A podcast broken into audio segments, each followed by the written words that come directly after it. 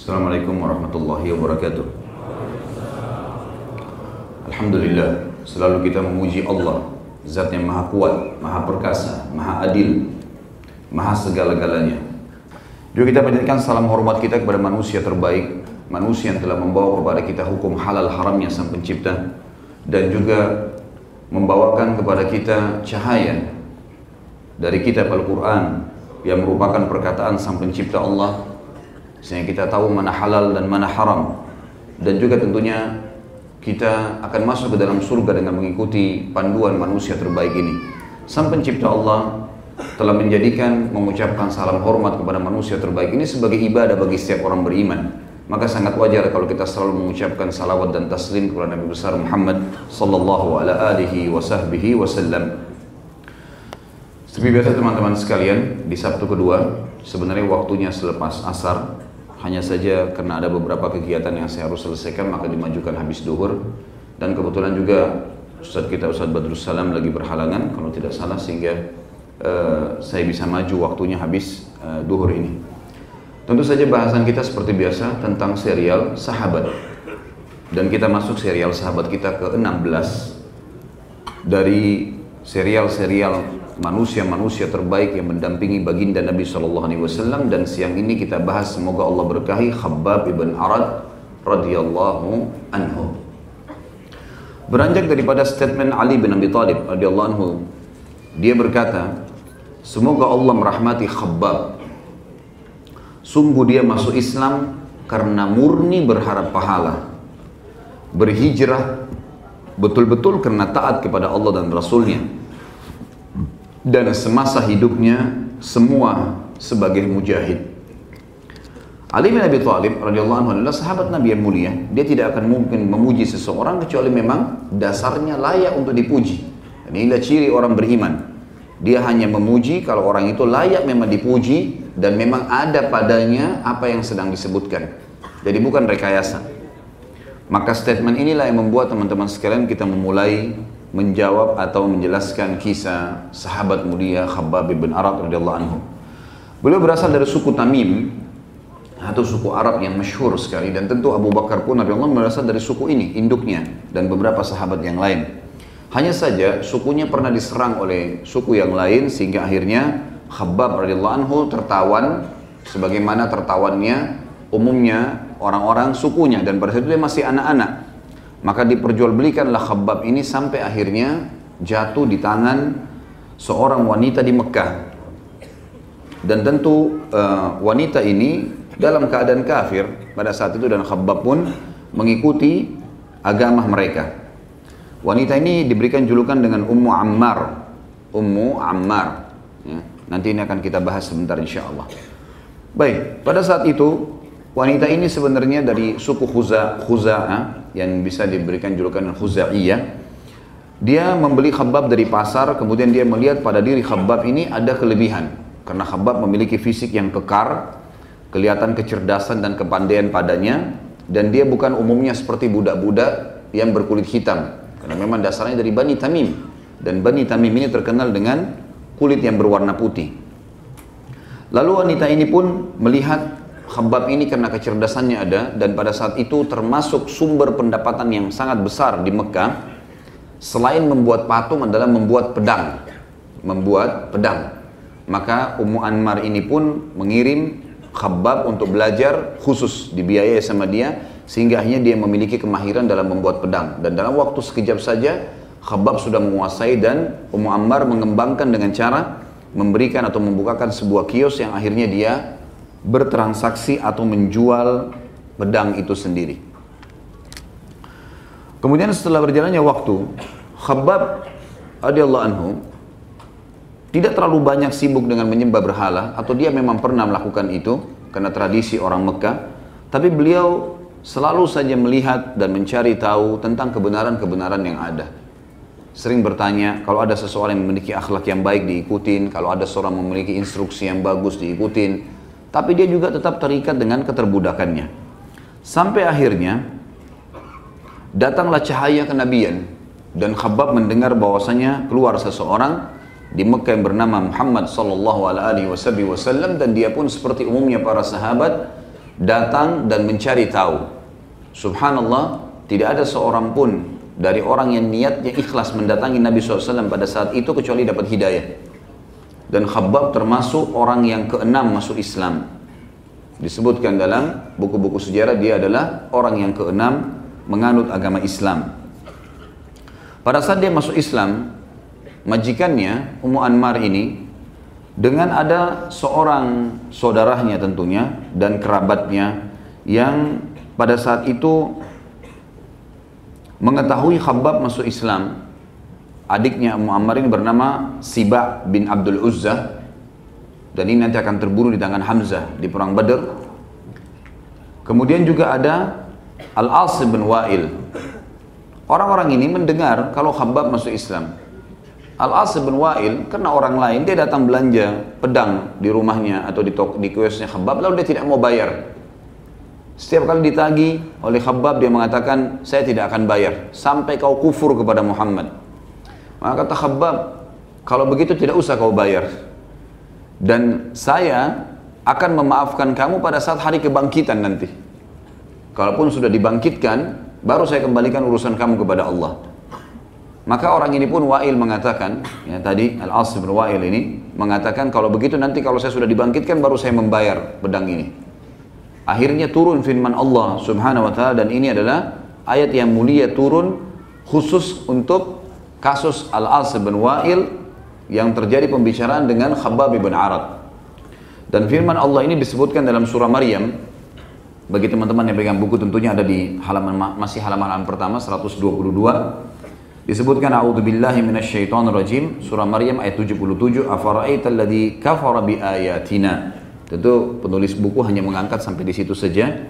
Tapi ayatnya saya bacakan lengkap. Afara'aital ladzi kafara bi ayatina wa qala la utayanna wa walada. Tidakkah engkau melihat hai Muhammad kepada orang yang telah kufur kepada ayat-ayat kami dan dia mengatakan saya mendapatkan harta dan juga keturunan bukan dari keimanan kepada Allah. Attala al-ghaiba am ittakhadha 'inda ar-rahmani ahda? Apakah dia telah melihat sesuatu yang gaib atau dia telah memiliki kesepakatan dengan sang pencipta Allah yang maha penyayang. Kalla kata Allah tidak mungkin. Sanaktubu ma yaqulu wa namuddu lahu minal azabi madda. Kami akan catat perkataannya itu yang dia bilang sama Khabbab. Saya nggak percaya tuh hari kebangkitan. Dan kalaupun saya dibangkitkan nanti baru saya bayar utang ini. Saya nggak mau bayar di sini. Kata Allah kami akan catat perkataannya itu dan kami akan menjadikan itu penyebab berlipat gandanya siksaan yang datang kepadanya wa narithuhu wa ma yaqulu wa yatina farda dan pasti kami akan kekalkan catatan perkataan itu dan pasti dia akan dibangkitkan kepada kami pada hari kiamat sendirian. Teman-teman sekalian, seperti umumnya kita sudah tahu kisah beberapa sahabat di Mekah, jangankan seorang budak, orang yang bebas saja disiksa. Dan teman-teman kalau melihat masalah siksa yang, yang ditimpakan kepada para sahabat ini luar biasa gitu. Kalau saya membaca kisah mereka, kita ini jauh sekali di atas sebuah nikmat, sebuah kapal kenikmatan yang tidak ada, tidak ada sama sekali masalahnya. Kadang-kadang seseorang di antara kita hanya karena kehilangan dompet, hanya karena kehilangan HP, hanya karena sedikit punya masalah dalam rumah tangga mungkin dia bisa pecahkan, hanya sedikit mungkin dipecat dari tempat kerja, cobaan-cobaan yang datang kepada dia yang sifatnya kecil sekali. Itu sebenarnya teman-teman sekalian kalau dibandingkan dengan bagaimana para sahabat diuji oleh Allah di zaman awal-awal Islam, ayat Al-Quran masih belum lengkap semuanya turun. Di, masih di fase Mekah, yang beriman masih sedikit. Kekuatan orang kafir Quraisy luar biasa. Kita akan dengarkan pada hari ini, dan saya berikan judul Khabbab bin Arad, Sang Penyabar. Karena luar biasa orang ini sabar dalam siksaan yang ditimpakan kepadanya, hanya untuk mempertahankan keimanan. Seseorang di antara kita di zaman sekarang teman-teman sekalian hanya diolok oleh temannya saja. Kenapa celanamu jingkrang? Kenapa kamu harus pelihara jenggot? Kenapa kamu harus ke masjid? Olok-olok, kenapa jilbabmu besar? Kenapa kamu begini? Kenapa begitu? Kenapa kamu poligami? Kenapa kamu begini? Kenapa macam-macam? Semua perintah agama dihardik. Maka dengan hardikan sedikit begini saja sudah ditinggalkan agamanya. Sudah merasa kecil, sudah merasa dia yang bersalah. Padahal patokan seorang muslim adalah hukum Allah. Selama kita berada di atas jalannya Allah, siapa pun yang benci, siapa pun yang terima, tidak penting bagi kita. Berapa banyak pun orang yang terima atau benci tidak penting bagi kita. Yang penting kita berada di jalannya Allah. dan Allah akan membenar, menetapkan, membenarkan kebenaran walaupun cuma satu orang yang mempertahankannya. Sebagaimana Nabi SAW pertahankan di Mekah sendirian awalnya, kemudian menyebar menjadi penduduk atau maaf, pengikut yang paling banyak di dunia. Dari 7,5 miliar manusia sekarang, hampir setengahnya umat Islam. Akibat daripada kebenaran yang dipertahankan oleh baginda Nabi sallallahu alaihi wasallam. Kita dengarkan teman-teman sekalian bagaimana jenis siksaan tersebut. Ummu Ammar pada saat mendengar budaknya ini, karena masih dalam keterbudakan, masuk Islam, maka dia mendatangi adiknya yang bernama Sibak bin Abil Izzah atau bin Abil Uzza yang tadi tentu saja uh, saya bilang akan terbunuh atau mati di tangannya Hamzah radhiyallahu anhu di perang Badar. Datang kemudian mengajak beberapa orang dari suku Khuza'ah yang datang khusus untuk menyiksa Khabbab dan siksaan ini teman-teman sekalian bukan siksaan yang biasa. Bukan cuma sekedar digebukin, bukan cuma sekedar ditendangin. Disebutkan dalam buku kita ini, Khabbab radhiyallahu anhu dikerumuni oleh suku Khuza'ah. Kemudian secara bersamaan semuanya menjambak rambutnya beberapa orang. Ya. Jadi bukan cuma satu orang, tapi secara rame-rame sengaja mereka memegang semua tangan, banyak tangan di kepalanya dari semua sisi, kemudian menariknya, menjambaknya dengan keras di sini dikatakan menjambak rambutnya kemudian menariknya dengan sangat kuat. Lalu semuanya mereka serentak dengan tidak melepaskan rambut itu memelintir lehernya dengan sangat keras. Artinya menggerakkan ke kanan dan ke kiri dengan sangat keras. Kemudian yang luar biasa meletakkannya di atas arang yang panas. Dibakar arang tersebut, ya, kemudian diletakkan di atasnya tanpa diberikan satu lembar kain pun di badannya dan mereka meletakkan batu di atas dadanya yang sangat besar di tengah-tengah padang pasir yang panas kemudian batu tersebut pun diinjak ya. yang lebih luar biasa daripada itu disebutkan juga dalam riwayat yang lain bahwasanya Khabbab anhu didatangkan di siang hari. Dan ini terjadi setiap hari setiap hari penyiksaan yang sama bukan sekali kemudian dilepaskan. Hari disiksa yang sama besok yang sama lusa yang sama terus sampai tibanya masa hijrah ini kita bayangkan siksaan begini teman-teman. Didatangkan di tengah-tengah terik matahari dan pada saat itu Mekah umumnya mayoritasnya padang pasir dan kalau puncak musim panas bisa sampai 55 derajat. Panas sekali. Kemudian didatangkan di tengah-tengah padang pasir yang pada saat itu matahari dibahasakan di sini bisa melumerkan batu yang padas ya. Mereka membawa khabab ke tanah tengah lapang Mekah, kemudian mereka membuka baju dan menggantikan baju tersebut dengan baju besi.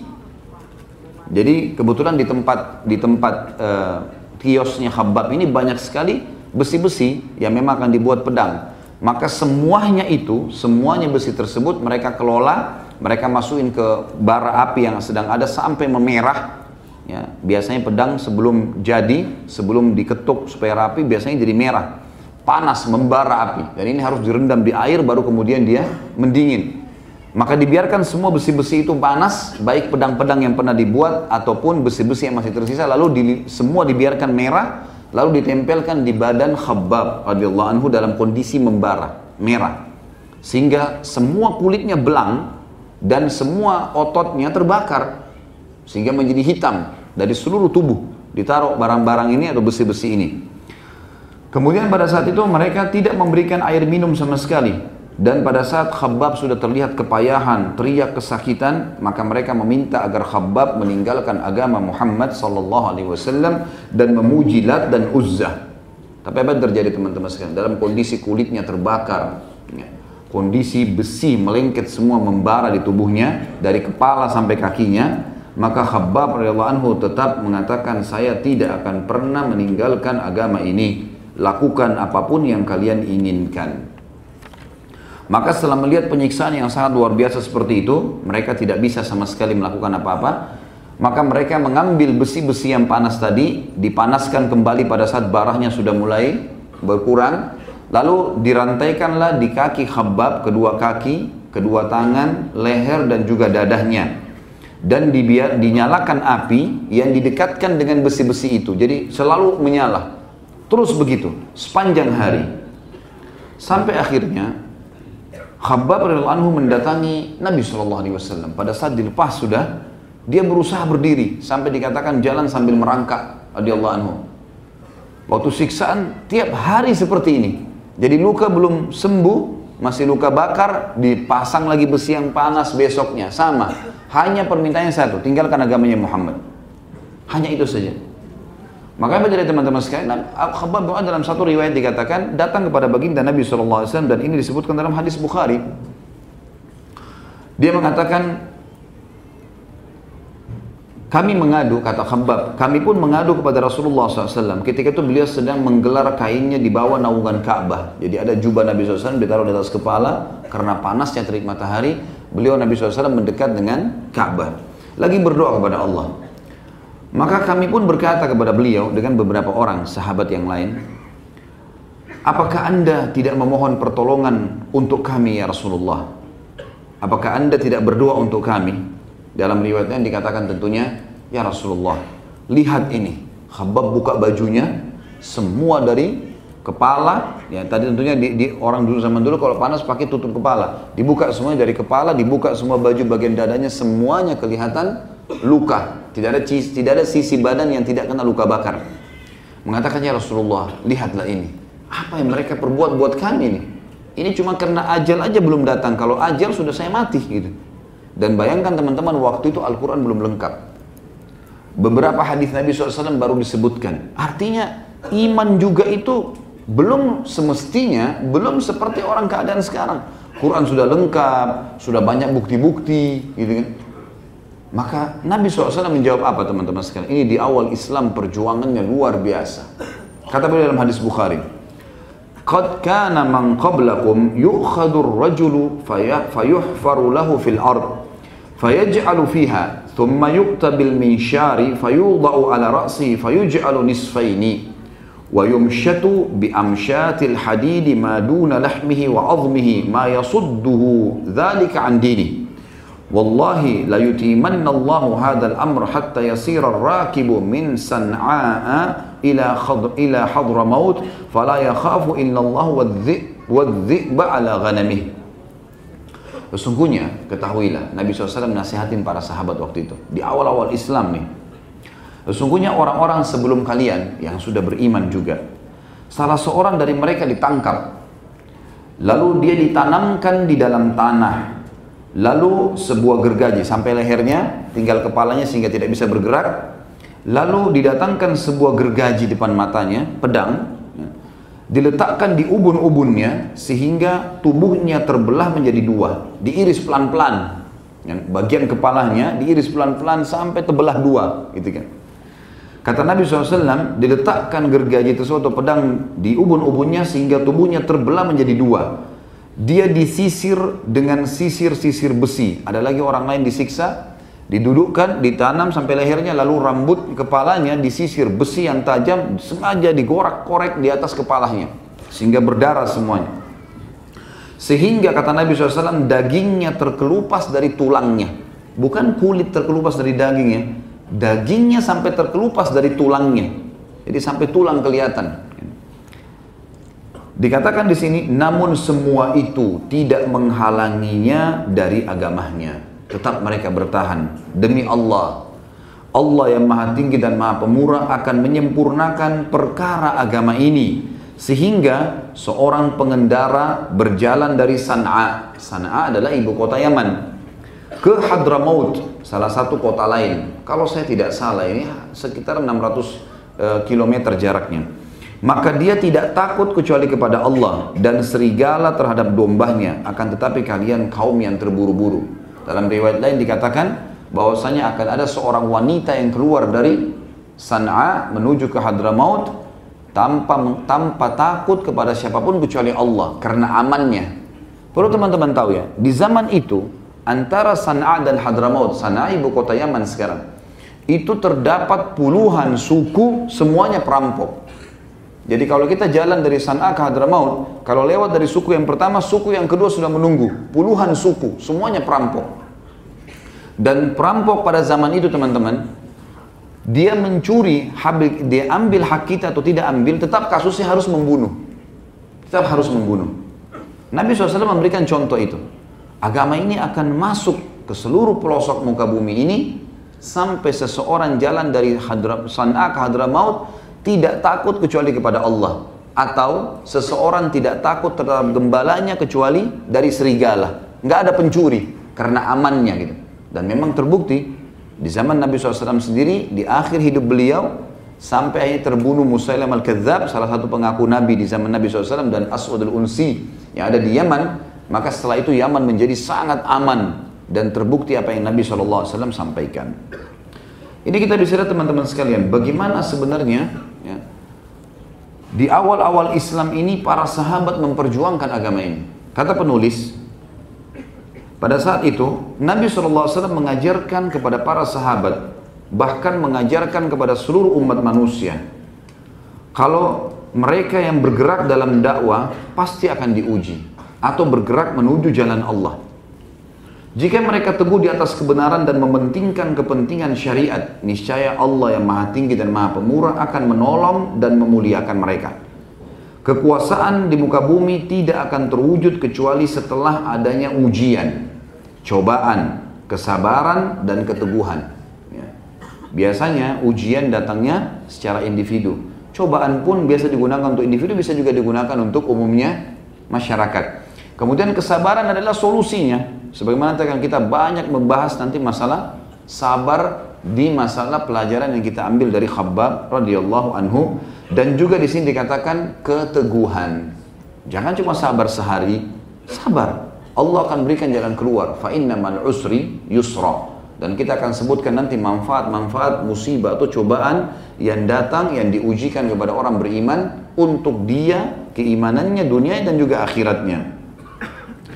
Allah Subhanahu wa taala mengingatkan tentang masalah itu sebagaimana dalam surah Al-Ankabut ayat 2 sampai ayat 3. A'udzu billahi minasyaitonir rajim. Hasiban nasu an yutraku an yaqulu amanna wa hum la yuftanun.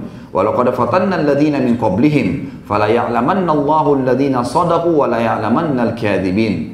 Apakah manusia itu mengira bahwasanya mereka akan dibiarkan hanya dengan mengatakan kami telah beriman dan mereka tidak diuji? Ada ujian datang. Sesuai dengan kadar keimanan seseorang. Kata Nabi SAW dalam hadis Bukhari, ujian akan datang sesuai dengan kadar keimanan seseorang. Dan para nabi-nabi, orang yang paling berat ujiannya. Nabi, orang yang dekat dengan Allah. Jadi jangan mengkhayal teman-teman sekalian kita sepanjang hidup tidak akan ada pernah cobaan datang dalam hidup kita. Itu nggak mungkin. Cobaan akan datang. Apa saja sifatnya? Kehilangan barang kah, gang, uh, gangguan orang lain kah, difitnah kah, dicaci maki kah, itu akan datang. Cobaan. Dikatakan di situ dan datang setelahnya sesuai dengan kadar keimanan kata Nabi SAW kita lanjutkan ayat tadi. Apakah manusia itu mengira bahwa mereka akan dibiarkan hanya dengan mengatakan kami telah beriman dan mereka tidak diuji? Dan sungguh kami telah menguji orang-orang sebelum mereka. Allah pasti mengetahui orang-orang yang benar dan pasti mengetahui orang-orang yang dusta. Dari situlah Allah tahu. Dari mana teman-teman sekarang kalau antum jadi guru dari mana antum tahu kalau murid ini prestasi atau tidak Apakah cukup dengan hanya sekedar dia uh, interaksi di, di kelas? Tidak cukup karena ada orang interaksi di kelas teman-teman sekalian. Memang dia hanya sekedar mau dita seakan-akan ditahu kalau dia itu punya ilmu. Mungkin dia hanya sekedar bertanya, dia hanya lempar pertanyaan, habis itu dia sibuk dengan kegiatan yang lainnya. Banyak orang begitu. Ada sering saya temukan orang kadang-kadang di majelis ilmu, dia bertanya nih. Pada saat dijawab juga oleh ustadznya, dia lagi sibuk dengan HP-nya. Dia bukan tujuannya untuk bertanya, dia hanya mau nunjukin kalau saya juga bertanya. Saya juga punya ini dan punya itu. Makanya kita lihat di sekolah-sekolah kita, di kampus-kampus ada ujian. Diberikan beberapa pertanyaan, dia harus baca, baca ilmu, dia harus baca ilmu itu, kemudian dia harus jawab. Ujian. Dari situ kita tahu siapa yang berprestasi. Karena orang yang malas tadi di kelas, Orang yang tidak mau belajar atau orang hanya sekedar mau cari pujian orang lain, dia tidak akan bisa lakukan itu kalau di kertas. Nggak mungkin. Ya. Maka seperti itu adalah contoh rasionalnya. Ya. Allah subhanahu wa ta'ala akan menguji orang beriman ini. Benar nggak? Dia dusta atau dia jujur nih? Gitu. Tapi ada berita gembiranya. Kata Nabi SAW, Allah tidak akan menguji seorang hamba melampaui kapasitasnya. Allah uji kita karena Allah tahu kita akan bisa lalui dan kita akan dapat pelajaran-pelajaran dari cobaan tersebut sebagaimana nanti akan kita sebutkan di dalam uh, ad-durus wal ibar atau pelajaran-pelajaran yang bisa kita ambil dari kasus sahabat yang mulia ini juga dalam sur dalam surah yang lain Allah SWT berfirman saya baca ini karena penulis mengangkat tentunya dan tentunya nanti akan banyak ayat Al-Quran yang saya sebutkan tentang fadilah orang yang sabar setelah menjelaskan definisi sabar itu sendiri. Surah Al-Baqarah 214 Allah berfirman A'udzu billahi minasyaitonir rajim. Am hasibtum an tadkhulul jannata wa lamma ya'tikum mathalul ladzina khalau min qablikum massathumul ba'sa'u wad-dharra'u wa zulzilu hatta yaqula ar-rasul wal ladzina amanu ma'ah hatta yaqula ar-rasul wal ladzina amanu ma'ahu mata nasrullah ala inna nasrallahi qarib. Ataukah kalian mengira bahwa kalian akan masuk surga? Apakah kalian mengira kalian akan masuk surga? Padahal belum datang kepada kalian cobaan seperti yang dialami orang-orang terdahulu sebelum kalian. Benar nggak ini konsisten? Gitu. Mereka ditimpa ke ke ke kemelaratan, ya. penderitaan, kadang-kadang kehabisan makanan, kadang-kadang penderitaan, mungkin sakit, mungkin gangguan orang, mungkin tidak sukses pada saat baru memulai usaha, ada penderitaan dan digoncang dengan berbagai cobaan sehingga Rasul dan orang-orang yang beriman bersamanya Nabi SAW dan para sahabat pun berkata kapankah datangnya pertolongan Allah? Karena lagi orang kalau lagi ada masalah sumpek sekali. Kapan nih datang jalan keluarnya? Udah jalanin dulu. Nanti akan kita sebutkan teman-teman insya Allah antum tidak bubar dari majelis ini kecuali antum sudah akan menjadikan sabar sebagai senjata sebagai pegangan, sebagai pakaian, sebagai bekal makanan. Sabar kalau ada dalam hidup kita teman-teman lebih penting daripada antum makan makanan pada saat kita sedang lapar. Karena sabar bisa membuat kita bisa menahan lapar itu. Dan akan banyak hal yang kita jelaskan nanti. Ini ayat Al-Quran mengatakan dan diguncang dengan berbagai cobaan sehingga Rasul dan orang-orang yang beriman berkata kapan kedatangnya pertolongan Allah ingatlah sesungguhnya pertolongan Allah itu sangat dekat Tiba masa hijrah teman-teman sekalian. Baginda Nabi SAW melihat kaum muslimin sudah tersiksa di Mekah. Tidak ada lagi jalan keluar. Ada sahabat yang mati terbunuh. Seperti sudah pernah saya berikan gambaran Ammar ibn Yasir ayahnya Yasir namanya radhiyallahu anhu dan istrinya Yasir atau ibunya Ammar namanya Sumayyah mati syahid ditusuk oleh dibunuh oleh Abu Jahal. Sumayyah bahkan dalam sebuah asar disebutkan lagi hamil ditusuk perutnya gitu kan. Perempuan tapi bersabar dan dia cuma mengatakan, ya saya mau kembali ke agama saya nggak jadi dibunuh. Tapi mereka sabar. Yasir mau bela istrinya juga ditebas dengan pedang, mati. Ammar radhiyallahu anhu 9 tahun waktu itu umurnya tetap kokoh dengan agama Allah walaupun diinjak wajahnya oleh Abu Jahal. Tapi ada memang kalimat yang dia sempat ucapkan waktu dia sudah kesakitan Abu Jahal mengatakan, saya tidak akan lepaskan kau Ammar dan saya tidak mau bunuh kau seperti kedua orang tuamu dengan sangat mudah. Saya akan pelan-pelan menguliti tubuhmu, saya akan siksa kamu begini dan begitu. Kalau kau mau selamat, ucapkan saya kufur kepada Muhammad. Maka Ammar sempat mengucapkan, radhiyallahu anhu, saya kufur kepada Muhammad. Abu Jahal tidak puas. Lewat seekor unta lalu dikatakan, saya tidak puas sampai kau katakan unta ini Tuhanku. Maka Ammar mengatakan unta ini Tuhanku. Lalu sama Abu Jahal dilepasin. Sembilan tahun umur orang ini, di awal-awal Islam teman-teman. Saya nggak tahu terus terang, kalau kita hidup di zaman itu apakah kita bisa bertahan atau tidak. Luar biasa keimanan mereka. Maka Ammar 9 tahun datang ke Nabi SAW lalu berkata, Ya Rasulullah, kejadiannya begini. Orang tua saya dibunuh, ditusuk, dan seterusnya. Kemudian saya juga disiksa, maka saya terpaksa mengucapkan kufur kepada anda, mengucapkan unta sebagai Tuhan saya. Gitu. Apakah saya berdosa kufur sekarang kepadamu, kepada anda, kepada Allah dan kepada anda? Kata Nabi SAW, Wahai Ammar, telah turun firman Allah, ya, illa man ukriha wa qalbu mutmainnun bil iman. Itu tidak termasuk kamu di dalamnya kecuali orang-orang kata Allah tidak masuk kufur yang dipaksa kufur dan hatinya tetap tentram dengan keimanan. Allah turunkan ayat ini untuk kamu. Lalu kemudian kata Nabi SAW, wahai Ammar, kalau besok kau dipaksa lagi, ucapkan. Yang penting hatimu tidak. Karena sudah tidak ada waktu itu keadaan luar biasa. Khabbab bin Arad tiap hari disiksa. Bilal tiap hari disiksa. Semuanya disiksa. Ya. Yang tidak kena siksaan pada saat itu secara langsung fisik adalah Abu Bakar radhiyallahu anhu. Ya. Tapi yang lainnya luar biasa, gitu kan? Orang-orang yang punya tokoh masyarakat disiksa, dipukul, terutama budak-budak dan hamba sahaya. Dan kita sudah tahu kisah tentu di Sirah Nabawiyah, kalau baginda Nabi SAW pun disiksa sampai beliau pernah sholat dan dituangkan kotoran unta di atas tubuhnya, gitu kan? Dan beliau tidak mengangkat sujudnya sampai Fatimah radhiyallahu anha datang dan membersihkan kotoran tersebut, gitu kan? Ini contoh-contoh saja. Kita akan masuk teman-teman sekalian ke masalah akhirnya Nabi SAW menyuruh para sahabat untuk hijrah dan terjadi hijrah dua kali ke Habasyah dan juga hijrah ke Madinah, puncaknya ke Madinah. Habasyah tentu sana, tentu di sana ada seorang raja Najasyi, berjulukan Najasyi, seorang yang terkenal pendeta Nasrani yang pada saat itu memang lagi menunggu masa kenabian yang akhirnya masuk Islam di tangan Ja'far bin Abi Thalib anhu yang hijrah ke sana. Dari 153 orang sahabat termasuk Nabi SAW di sini 153 berarti sahabat 152 orang yang sudah masuk Islam selama 13 tahun di Mekah ini. Waktu itu 83 orang hijrah ke Habasyah.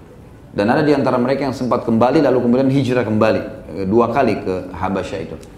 Dan akhirnya Nabi SAW puncaknya hijrah ke Madinah. 70 orang yang sisa hijrah ke Madinah. 153 orang. Khabbab bin Arad mengikuti hijrah Nabi SAW yang ke Madinah. Dan pada saat itu hukumnya wajib hijrah ke Madinah. Wajib hijrah ke Madinah. Khabbab bin Arad pada saat mau hijrah secara sembunyi-sembunyi sempat mendoakan Ummu Ammar tadi, tuannya, ya, agar dihukum oleh Allah. Dan Allah berikan kekuasaan dan ke, eh, dengan dengan dengan dengan uh, kemaha perkasaannya menghukum orang ini karena bagaimana dia disiksa gitu maka Ummu Ammar pun ditimpa penyakit pada saat Khabbab berdoa kepada Allah kepalanya kesakitan dan seluruh tubuhnya kesakitan berusaha diobatin dengan obat apa pun dan Ammar ini orang kaya dibiayai sana sini tidak bisa sembuh terakhir ditemukan cara satu-satunya untuk menghilangkan sakitnya dan itu pun cuma sementara dia harus menempelkan atau ditempelkan tubuh, di tubuhnya besi-besi yang panas. Dan itu yang harus masih membara, disentuhkan, biasa dibahasakan dengan kai, ya. Itu disentuhkan, baru dia bisa merasakan hilang sakitnya, itu pun cuma sementara, beberapa saat sakit lagi, terus begitu. Sampai Muammar meninggal gara-gara kasus seperti itu. Khabbab bin berhasil hijrah di Madinah. Kemudian pada saat hijrah di Madinah dia mulai baru merasakan sebagai orang yang bebas karena sudah bebas dari keterbudakan dan juga akhirnya mulai hidup bersama dengan muslimin, dengan persaudaraan, dengan perhatian, dengan sambutan, gitu kan. Dengan pengorbanan semua ini. Maka Habab pun ikut dengan peperangan Nabi SAW, ikut di Badar, ikut di Uhud, dan di Uhud beliau bersyukur kepada Allah dan sujud syukur di medan perang karena melihat uh, salah satu yang telah menyiksa dia Siba bin Abdul Uzza yang terbunuh di tangan Hamzah radhiyallahu anhu. Tentu ini uh, yang ditulis atau diangkat oleh penulis kurang lebih gambaran tentang masalah Khabbab bin Arad dan tidak banyak dinukil oleh penulis tentang pribadi-pribadi tambahan atau pengorbanan yang lain. Termasuk saya tidak temukan secara pribadi tentunya ya, mungkin keterbatasan ilmu saya tentang Khabbab menikah dengan siapa, siapa anak-anaknya, berapa orang, tapi ada gelar yang disebutkan oleh beberapa sahabat dengan Ummu Abdillah. Sahabat menikah dan memiliki anak. Namanya Abdullah yang pertama sehingga dipanggil uh, Abu Abdillah. Kita akan masuk sekarang teman-teman sekalian ke manakibnya. Tentu nanti kita akan bahas juga pada saat beliau meninggal ya. Itu di umur eh, uh, 74 tahun. Nanti akan saya hubungkan dengan manakib ini. Yang pertama, manakib itu tentunya uh, kelebihannya fadilahnya beliau, kedudukannya dalam Islam. Beliau adalah orang keenam yang masuk dalam Islam. Dan ini sebuah fadilah. Dan dia dianggap orang keenam masuk Islam tanpa keraguan. Begitu dengar langsung syahadat. Makanya tadi statement Ali bin Abi Thalib yang jelas menekankan tentang kebenaran perkataan itu. Kemudian yang kedua adalah dia disiksa dan sahabat dalam siksaan selama dalam hidup di Mekah dan ini bisa dihitung tahunan. Bagi teman-teman yang mau baca tentang kisah itu tentunya dalam buku kita ada 100 eh, halaman 123 dan 124 tentang masalah siksaan-siksaan yang tertimpa kepada Khabbab radhiyallahu anhu dan sudah saya jelaskan tadi di antaranya. Yang ketiga, fadilahnya adalah beliau mustajab doa. Dikenal di kalangan para sahabat Khabbab kalau berdoa diterima oleh Allah. Di antara contoh adalah doa kepada Ummu Anmar tadi disebutkan di halaman 127 dalam buku kita ini. Kemudian yang keempat, dia diberikan umur yang panjang dan dia hidup sampai di akhir kekuasaan Ali radhiyallahu anhu atau Khulafaur Rashidin dan dia meninggal di umur 74 tahun serta yang mensolati dia Ali radhiyallahu anhu secara langsung dan Ali mengeluarkan statement tadi yang saya bilang. Pada saat meninggal Ali mengatakan semoga Allah merahmati Khabbab. Sungguh dia masuk Islam karena betul-betul berharap pahala, berhijrah karena taat kepada Allah dan Rasulnya, dan hidup sebagai seorang mujahid. Karena semua peperangan Nabi SAW dihadiri oleh Khabbab dan juga uh, zaman Abu Bakar, zaman Umar, zaman Uthman semuanya dihadiri oleh dia. Dan Khabbab termasuk orang yang menghindar dari fitnah yang terjadi di zaman Ali radhiyallahu anhum ajma'in. Dan Allah karunia dia umur yang panjang sampai 74 tahun tentunya. Kemudian juga yang kelima dan ini poin terakhir dalam masalah fadilah beliau. Masalah beliau orangnya terkenal dengan kezuhudannya. Dan ini disebutkan di halaman 128 tentunya bagi teman-teman yang membacanya. Ditulis oleh penulis saatnya untuk berpisah. Dan disebutkan di situ beberapa perilaku yang menunjukkan kezuhudan Khabbab radhiyallahu anhu. Di antaranya, Khabbab pernah datang kepada Amir Mu'minin Umar bin Khattab radhiyallahu anhu, maka Umar menundukkan, mendudukkannya di tempat duduknya. Maka Umar berkata, di muka bumi ini tidak seorang pun yang paling berhak untuk duduk di sana daripada orang ini selain satu orang. Maksudnya, waktu Habab duduk di sebelahnya Umar, maka Umar mengatakan tidak ada orang paling lain duduk di sini kecuali orang ini dan ada satu orang lagi. Kalau satu orang itu ada, maka berarti dia lebih berhak daripada orang ini. Habab di sini duduk. Maka Umar bilang ada satu orang lagi, tapi kalau orang itu tidak ada, maka berarti dia yang paling berhak duduk di sebelah saya. Makna kalimat ini adalah kalau Umar bilang kalau saya mati, yang menggantikan saya sebenarnya orang ini yang paling layak. Sampai ulama mengatakan ini termasuk fadilah khusus. Artinya Umar mau menunjuk Khabbab sebagai khalifah. Khabbab sempat berkata, siapa orang yang satu itu wahai Amir Mukminin yang anda anggap lebih layak daripada saya? Kata Umar, Bilal. Maka Khabbab berkata, dia tidak lebih berhak daripada aku. Di antara orang-orang musyrikin ada orang-orang di mana Allah melindungi Bilal dengan mereka. Jadi waktu Bilal dipukul oleh tuan-tuannya, oleh banyak majikannya di Mekah, maka masih ada orang-orang yang menolongnya. Termasuk Abu Bakar datang menebusnya gitu. Sementara sebaliknya aku, tidak ada satupun orang yang melindungiku. Aku masih ingat pada suatu hari mereka menangkapku lalu menyalakan api dan memanggangku di atasnya. Lalu seorang laki-laki dari mereka menginjakkan kakinya di dadaku. Aku tidak melindungi diriku dari tanah atau dia berkata panasnya bumi kecuali dengan punggungku. Lalu Khabbab membuka punggungnya yang memutih terbakar. Itu yang disebutkan dalam At-Tabaqat karyanya Ibnu Sa'ad.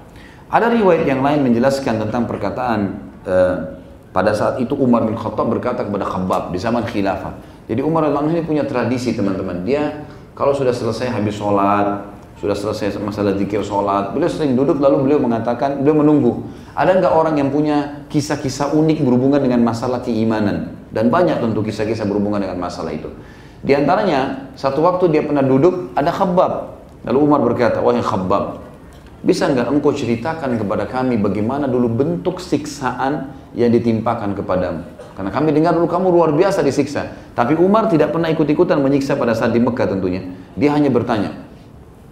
Maka pada saat itu Khabbab pun dalam riwayat ini dikatakan membuka bajunya. Dan ditemukan ada lubang yang sangat dalam. Luka, bakar dan lubang ke dalam itu dari sebelah tulang ekornya sisi kanan. Dari leher sampai ke tulang ekor belakangnya. Dibuka semua. Lubang dalam berwarna hitam. Luka.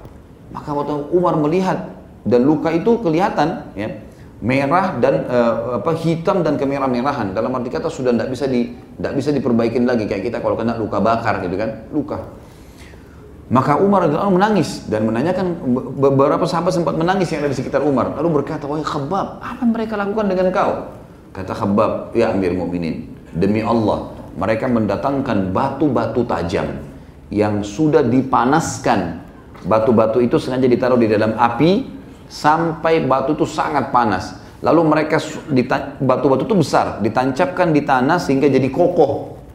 Dan ujungnya yang runcing itu kelihatan.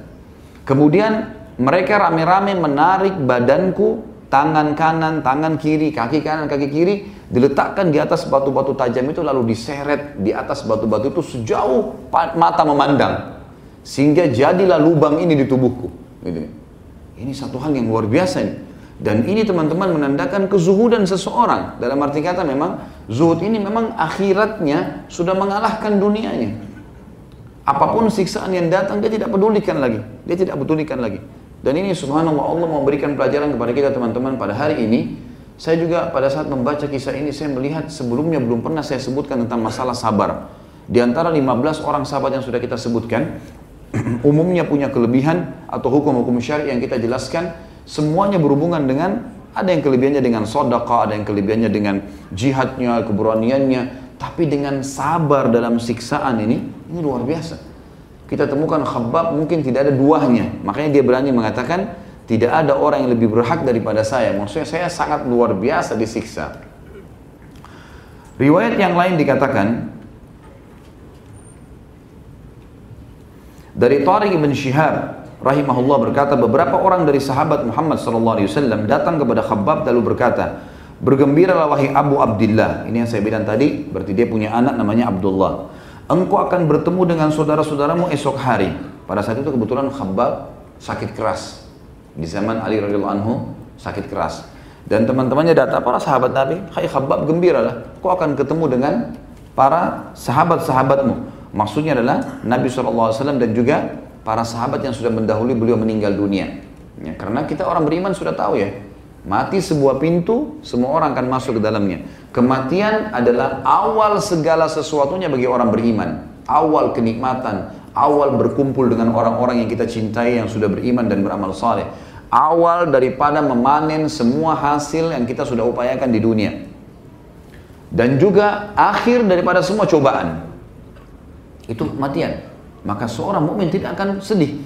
Para sahabat sering saling mewasiatkan kalimat ini. Mereka mengatakan apa kalau ada yang mau meninggal, berita gembira, kau akan bertemu dengan orang-orang yang kau cintai. Dari orang beriman, nanti akan ketemu di sana. Dan ini memang sudah menjadi sebuah buah bibir di kalangan para sahabat dan sebagian ulama mengatakan ini menandakan di alam barzah itu ada pertemuan bagi orang-orang beriman di kuburan di alam barzah itu dia selain menikmati taman dari taman surga di kuburannya dia juga ada pertemuan dengan yang lainnya dan ini sesuai sejalan dengan sabda Nabi saw tentang doa orang yang meninggal.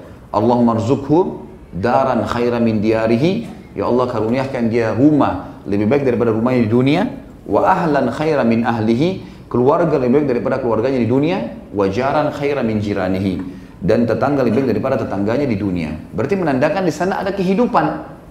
Sampai ulama mengatakan kalau seseorang mengantar jenazah mengantar jenazah maka mungkin dia melihat yang lahat itu batu, nisan dan tanah tetapi bagi orang-orang bagi jenazah itu sendiri dia sudah melihat itu sebuah alam dia sudah tahu siapa yang ada tetangganya, apakah lagi disiksa atau enggak, dia sudah tahu. Makanya orang-orang beriman tidak boleh dikubur kecuali dengan atau orang muslim kecuali dengan muslim.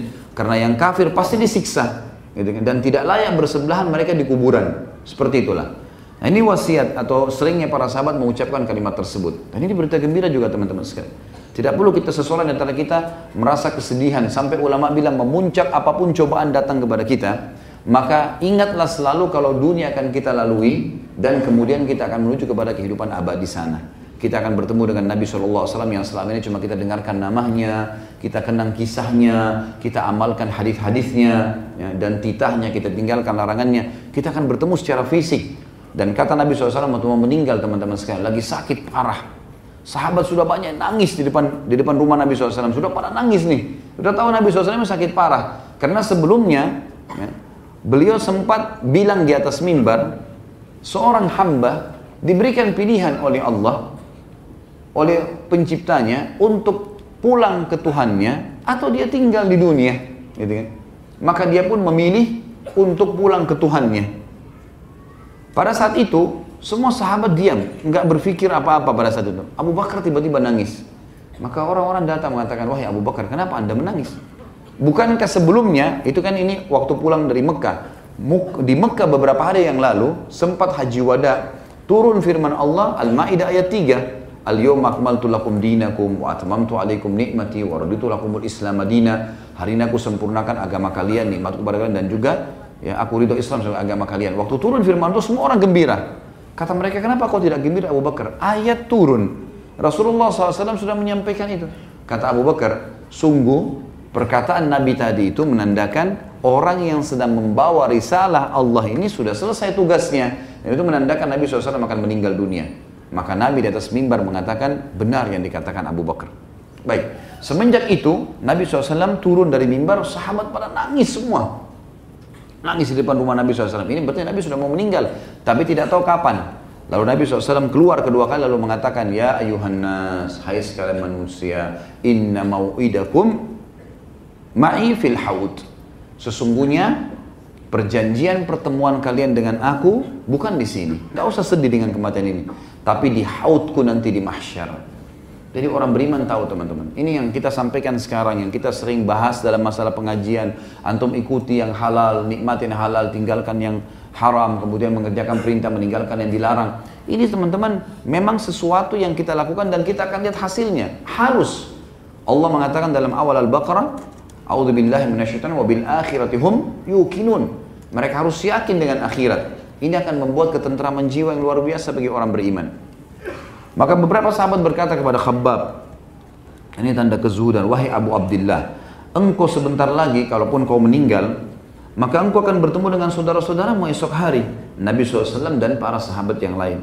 Maka Khabbab pun menangis dan berkata, aku tidak bersedih karena kematian, tapi kalian mengingatkanku terhadap suatu kaum yang kalian menyebut mereka sebagai saudara-saudaraku. Mereka telah pergi membawa pahala mereka sebagaimana ia ya sebagaimana ia harus dapatkan. Jadi mereka sudah beramal soleh semua tuh. Saya tahu yang sudah meninggal ini semuanya sudah beramal soleh. Nabi SAW dan para sahabat-sahabat yang lain. Dan aku khawatir pahala dari amal-amalanku yang kalian katakan itu adalah apa yang telah diberikan kepada mereka sesudah apa yang telah diberikan kepada kita sesudah mereka. Artinya aku khawatir malah aku ini tidak bawa pahala sama sekali. Karena memang apa pun yang telah diberikan kepada orang-orang terlebih dahulu sudah dapat jaminan dari Nabi SAW. Seperti ada sahabat meninggal, Nabi bilang si fulan di surga, si fulan di surga. Saya nggak ada jaminan untuk itu. Maka dari mana ada ketenangan jiwa kalau saya akan bersama mereka? Mungkin amal-amal saya belum diterima. Dan ini bentuk tawadhu, bentuk merendah tentunya. Karena Khabbab adalah orang yang soleh. Di kalangan para sahabat juga dipuji sebagai orang yang soleh. Kemudian riwayat yang lain juga dikatakan Abu Wa'il Syarik bin Salam rahimahullah berkata, kami menjenguk Khabbab ketika dia sedang sakit, salah satu tokoh tabi'in. Lalu dia berkata, Khabbab berkata kepada kami, di dalam kotak itu ada 80 ribu dirham. Ini uang yang miliaran rupiah ya.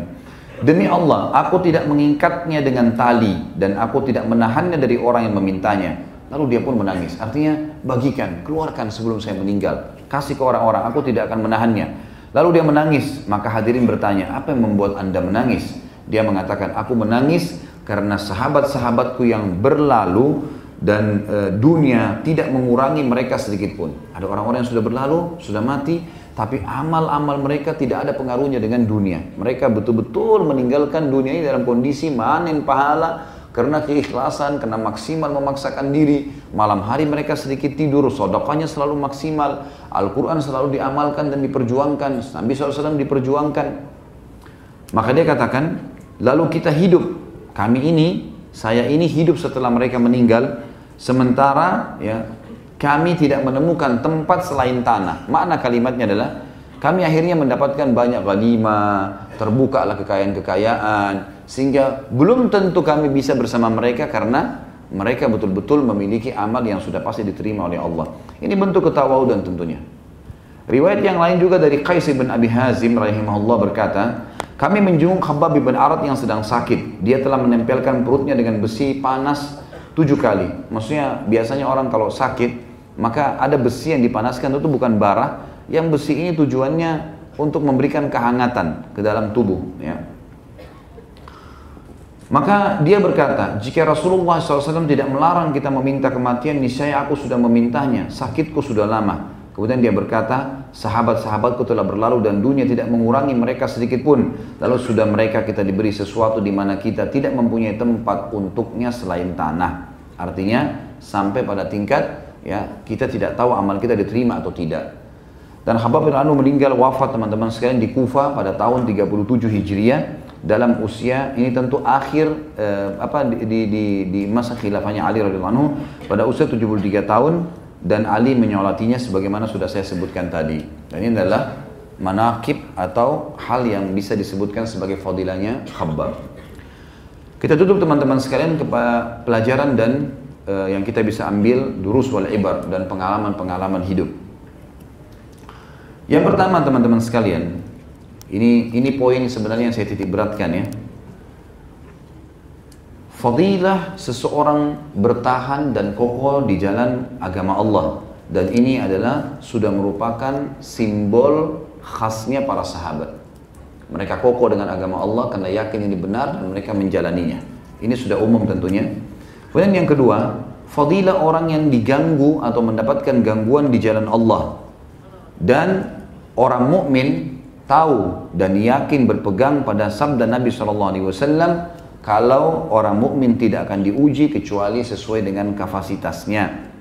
Juga sangat yakin dengan hadis-hadis Nabi SAW seperti misalnya tidak ada sesuatu yang menimpa seorang muslim dari sakit, sumpah, sedih, gangguan orang, kehilangan sesuatu, bahkan duri yang menusuk kakinya kecuali dari pembersihan dosanya. Maka setiap cobaan yang datang sekecil sampai sebesar apa pun adalah sesuatu yang sangat bermanfaat bagi dia karena dia akan mendapatkan pembersihan dosa. Juga bagi orang mukmin akan ada peninggian derajat.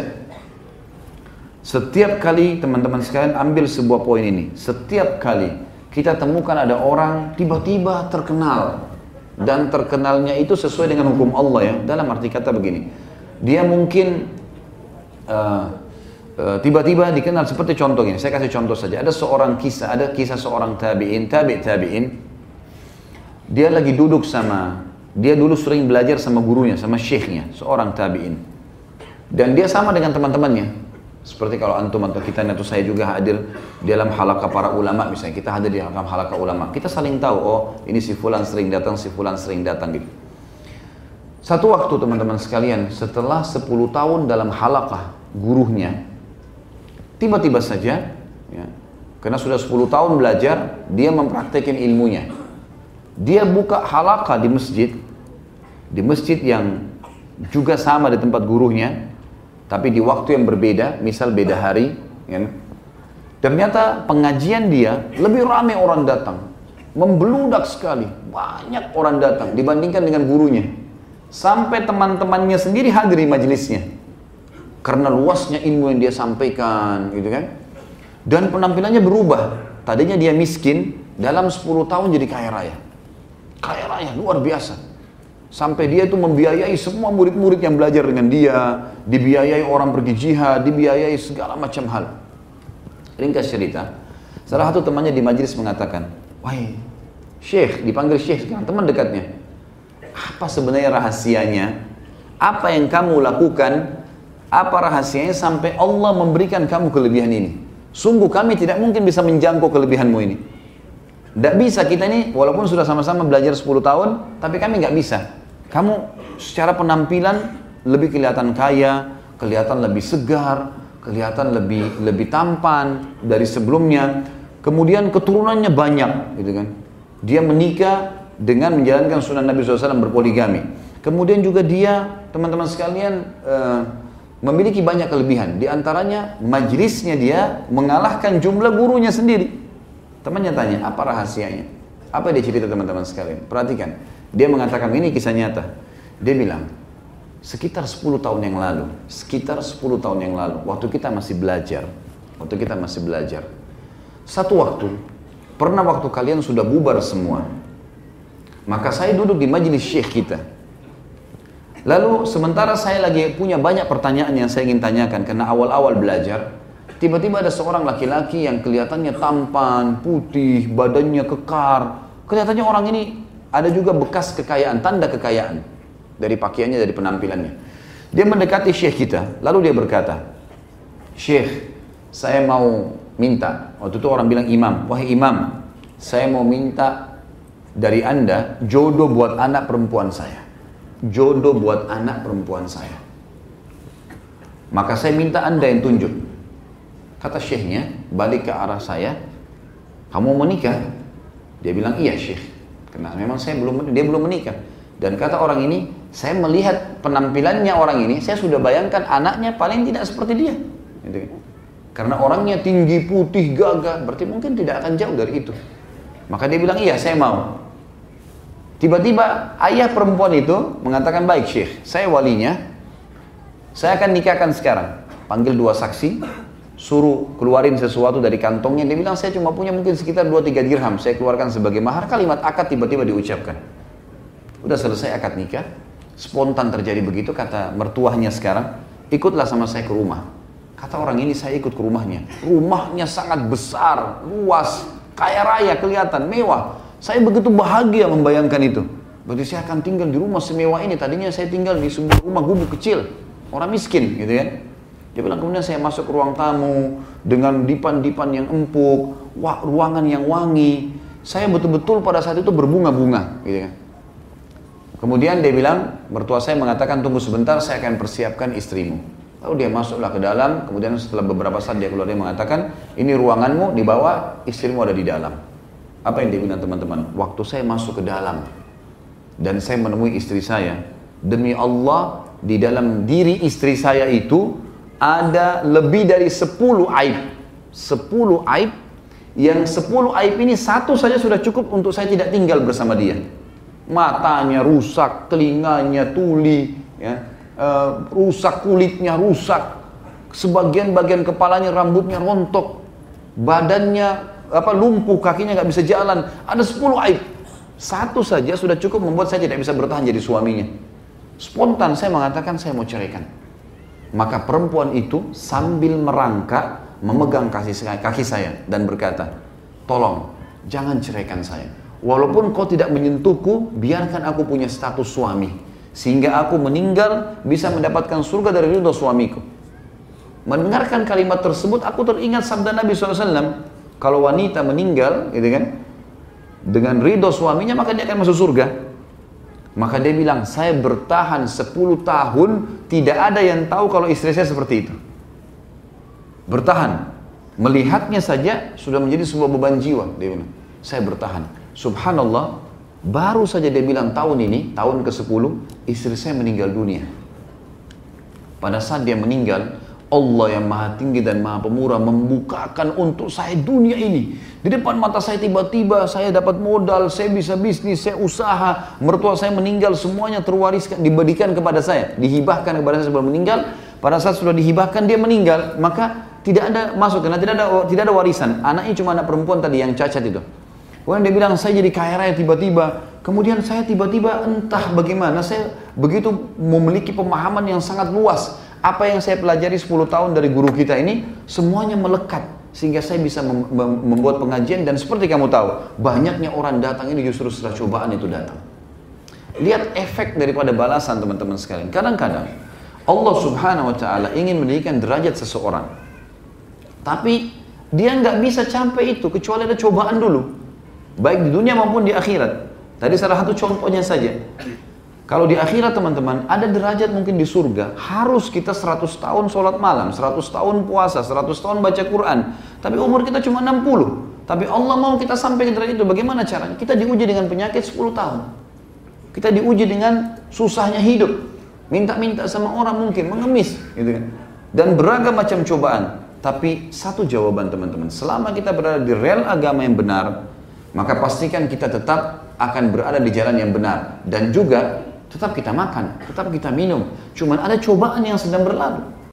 Dilalui dengan satu kalimat rahasia yaitu sabar. Baik, saya kasih definisi sabar teman-teman sekalian. Sabar adalah ya, seseorang menerima takdir Allah yang sedang terjadi padanya. Dia sadari atau tidak sadari sesuatu yang sedang terjadi pada seseorang takdir Allah, dia menerima takdir Allah yang sedang terjadi padanya. Dia sadar atau tidak sadar. Artinya sengaja sehingga terjadi sesuatu atau tidak sengaja sehingga terjadi. Lalu kemudian dia berikhtiar mencari kelu mencari jalan keluar tanpa keluhan. Dan sabar ini masuk kata ulama dalam dua hal sabar dalam ketaatan kepada Allah dan sabar dalam meninggalkan maksiat kepada Allah. Masuk dalam dua hal. Baik, sabar yang pertama teman-teman dalam ketaatan Allah seperti antum hadir di majelis ilmu. Ini butuh kesabaran. Duduk sejam, dua jam, tiga jam, dengarin. Kita pegal itu butuh sabar juga. Tapi ini karena umumnya orang mengetahui dia akan dapat ilmu, dapat sesuatu, maka dia bisa lakukan. Ada sabar teman-teman sekalian yang masuknya ke dalam masalah dan ini masuk dalam ketaatan Allah ini masuk dalamnya adalah sabar kalau datang cobaan yang tadi kayak penyakit kayak cobaan dari pasangan hidup. Ya, kita tahu Nabi Nuh alaihissalam misalnya, cobaan berat adalah istrinya dan anaknya. Nggak mau beriman. Nabi loh ini 950 tahun mendakwai istrinya nggak mau masuk Islam, nggak mau menganut agama. Bagaimana dengan antum yang istrinya mungkin tadinya belum paham sunnah misalnya? Antum baru sebulan, dua bulan, baru setahun dakwai terus sudah mengatakan saya ceraikan saja. Karena nggak mau ikut sunnah. Sabar akhi. Bagaimana banyak akhwat kita, memang awalnya dia sama suaminya bebas. Kemudian dia dapat hidayah, dia ikut sunnah, suaminya belum. Sudah saya nggak bisa sabar nih, saya nggak mau jalan nih sama dia. Bagaimana dengan Nabi Nuh AS bersabar 950 tahun mendakwai mereka? Gitu. Apalagi ini hanya sekedar belum memahami, belum masuk iman dalam hatinya. Sudah cukup dia sebagai seorang muslim. Berapa banyak orang tidak sabar teman-teman dalam rumah tangga hanya karena masalah sedikit kebutuhan tidak terpenuhi. Apalagi kadang-kadang yang sangat disayangkan dalam menerapkan syariat. Pasangannya lagi terapkan syariat, lagi sholat di masjid, lagi pergi ke pengajian atau sibuk dengan jihad di jalan Allah atau melakukan unsur poligami dalam agama semuanya dijadikan masalah tidak ada kesabaran dalam menjalankan ketaatan Allah ini perintah Allah subhanahu wa ta'ala Allah yang memerintahkan satu perbuatan jihad ya setiap muslim harus sabar suaminya pergi jihad gitu kan mengharapkan pahala itu bentuk ketaatan kepada Allah si laki-laki juga suami pergi jihad dia juga harus sabar dia jalani itu untuk mendapatkan fadilah sedang Allah janjikan Begitu pula sahabat dalam meninggalkan maksiat. Akan terlintas teman-teman di dalam hidup kita semua, saya dan antum semua, ikhwat dan akhwat semuanya. Tidak ada orang yang tidak terlintas di dalam hidupnya peluang bermaksiat. Pasti terlintas peluang itu. Syaitan akan membuka seribu cara. Satu gagal yang kedua, gagal yang ketiga, yang keempat. Dan dia jeli melihat kelemahan seseorang mungkin bukan di zina misalnya, bukan di lawan jenisnya. Dipindahkan sama dia mungkin cinta harta. Jadi harta tidak dicinta, apalah, suka menceritakan aibnya orang lain. Celah mana yang bisa, dia masuk. Dan seribu satu jalan untuk dia lakukan agar kita melanggar. Sabar. Tolak ajakan itu. Suruh berzina, tolak. Butuh sabar memang. Duh ini perempuan luar biasa punya kelebihan. Lagi ngajak saya berzina, ngajak kenalan, ngajak ketemu. Tapi agama larang. Sabar. Harus kokoh. Nggak boleh kita jebol di situ gitu kan.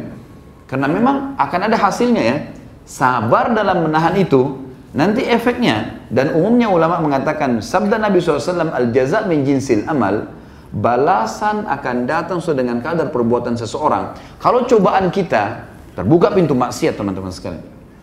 Kemudian itu dari lawan jenis, berarti Allah akan mudahkan kita kalau lulus di situ ya. Allah akan berikan kita balasan kebahagiaan dengan lawan jenis, tapi dengan halal, pernikahan. Kalau cobaan di harta, kita ada kesempatan setan bukain peluang untuk buat nota palsu, untuk mencuri, untuk rekayasa data, untuk A, B, C, atau kerja di tempat haram dengan gaji yang besar. Sabar, akhi.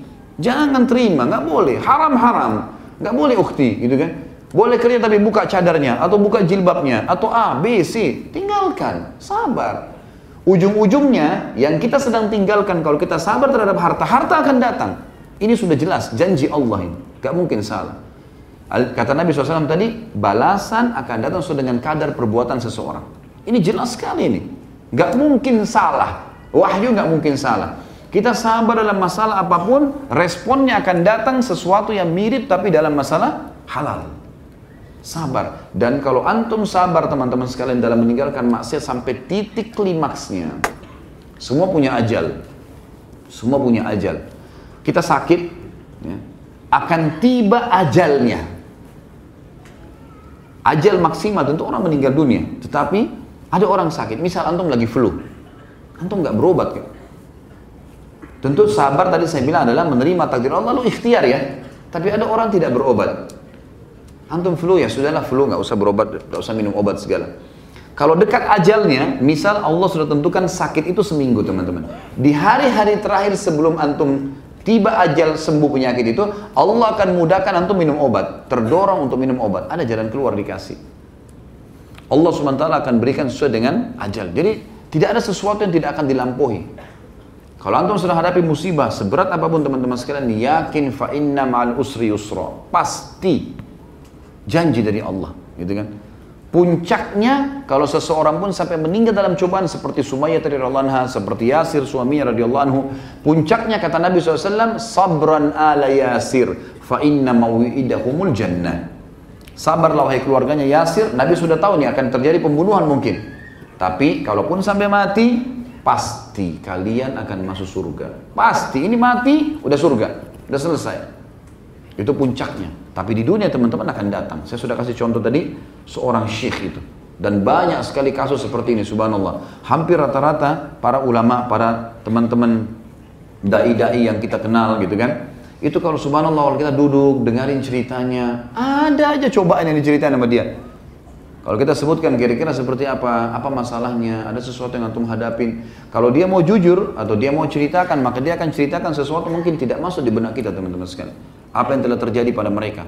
Cobaan demi cobaan yang sangat berat, tapi karena mereka sabarin, terima sebagai takdir Allah, kemudian dia ikhtiar sesuai dengan hukum Allah yang terjadi, gitu kan?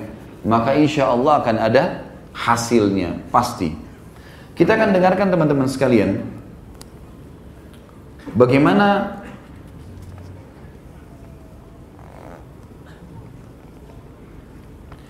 Allah Subhanahu wa taala menyebutkan dalam banyak Al ayat Al-Qur'an. Saya temukan kemarin atau saya coba periksa di Mu'jam Al-Fadh Al-Qur'an. Kebetulan saya bawa bukunya. Sengaja saya bawa kalau memang ada di antara teman-teman yang mengerti bahasa Arab dan butuh. Buku ini sangat bagus namanya Mu'jam Al-Mufahras ya. Ini di, di Al-Fadh Al-Qur'an Al-Karim. Semua dai tentu tahu buku ini. Ini buku yang paling mudah untuk mencari semua potongan ayat. Misalnya untuk mencari masalah sabar misalnya seperti kemarin saya gunakan, saya buka di halaman tentu saya dapat kalimat sabar, semua term, ya semua kalimat yang menggunakan kata sabar dalam Al-Quran disebutkan sama dia. Saya hitung kemarin ada 103 ayat yang menyebutkan tentang masalah sabar. Dan hampir semua teman-teman, apa pun kita bicara masalah kejujuran, sidik misalnya, maka kita akan temukan di sini ada disebutin sidik itu di dalam lafaz uh, sadiq atau sidq dan seterusnya di surah ini, di ayat ini, di surah ini, di ayat ini disebutkan sampai berapa kali. Kalimat sabar ini teman-teman dengan, be dengan berbagai termnya saya temukan ada 103 ayat. Tentu kalau kita bahas semua ini sangat panjang. Saya akan pilih beberapa ayat yang semestinya memang menjadi perhatian kita secara khusus. Yang pertama teman-teman sekalian, siapa pun yang sabar atau ada perintah dari Allah dulu. Allah Subhanahu wa taala memerintahkan kita untuk bersabar. Dalam firman-Nya surah Al-Imran ini dalil yang pertama Al-Quran ya. Ada beberapa yang saya sebutkan. Entah berapa jumlahnya ayat ini mungkin di atas 15, 10 atau 15 ayat yang akan saya sebutkan. Surah Al-Imran surah nomor 3 ayat 200. Allah subhanahu wa ta'ala memanggil orang-orang yang beriman. A'udhu billahi minasyaitonir rajim. Ya ayyuhalladzina amanu sabiru wasabiru warabitu wattaqullaha la'allakum tuflihun. Hai orang-orang beriman, isbiru, sabar dalam mengerjakan perintah Allah, dalam menghadapi cobaan-cobaan, dalam uh, meninggalkan kemaksiatan, isbiru, wasabiru dan sabarkan orang lain. Ajak mereka supaya sabar. Warabitu dan saling menguatkan satu sama yang lain. Dan bertakwalah kepada Allah. Kembali kepada hukum-hukum Allah. Karena akan dapat jawabannya agar kalian beruntung. La'allakum tuflihun artinya beruntung, beruntung dunia dan beruntung akhirat. Kemudian surah Al-Baqarah surah nomor 2 ayat 153 juga Allah berfirman, A'udzu billahi minasyaitonir rajim, ya ayyuhalladzina amanu ista'inu bis-sabri was-salah. Innallaha ma'as sabirin. Hai orang-orang yang beriman, ista'inu. Iyyaka nasta'in. Apa artinya ista'ana yasta'inu? Meminta pertolongan. Jadikan sebagai sumber pertolongan. Hai orang-orang yang beriman, ista'inu. Jadikan sebagai pertolongan kalian dari semua masalah, kecil atau besar. Bis, bis sabri was. Sabar dan sholat. Bayangkan kata ulama tafsir sampai sholat di, diucapkan oleh Allah Maha Tinggi dan Maha Pemurah setelah sabar. Karena teman-teman sekalian, kalau kita mulai segala sesuatunya pada saat musibah datang, cobaan datang, maka kita mulai dengan sabar teman-teman. Maka dipastikan kalau kita mulai, oh ya Allah sudah takdirin, sudah saya sabar deh, saya terima. Ya Allah mudah-mudahan engkau memberikan jalan keluarnya, gitu kan. Lalu kita sholat, maka sholat kita bisa khusyuk. Tapi kalau antum dalam kondisi belum menerima, belum sabar dalam masalah itu, lalu antum sholat tidak bisa konsentrasi. Jadi memang di sini disebutkan bis sabri was lalu Allah pastikan innallaha ma'as sabirin. Allah pencipta langit dan bumi. Yang kalau kita sakit dia yang ciptakan kita dia yang ciptakan penyakit dia yang ciptakan kesembuhannya. Kalau sedang ada orang yang mengganggu dia yang menciptakan kita dia yang menciptakan orang yang mengganggu itu dan dia juga yang bisa membinasakannya. Kalau sedang ada nikmat dia yang menciptakan kita dia yang menciptakan nikmat dia yang bisa mempertahankannya dan menambahkannya maka Allah berkata sungguhnya Allah bersama dengan orang-orang yang sabar sabar dalam ketaatan sabar dalam meninggalkan kemaksiatan juga dalam surah Ghafir, surah nomor 40. Tentu tadi itu yang uh, Al-Baqarah tadi 153 ya. Maaf. Kemudian surah Ghafir ayat 4 uh, eh, surah nomor 40 atau surah Mukmin ini ya. Dalam surah ini ada dua ayat disebutkan yang sama, ayat 55 sampai ayat 77. Maaf, ayat 55 dan ayat 77. A'udzu billahi minasyaitonir rajim. Fasbir inna wa'dallahi haqq.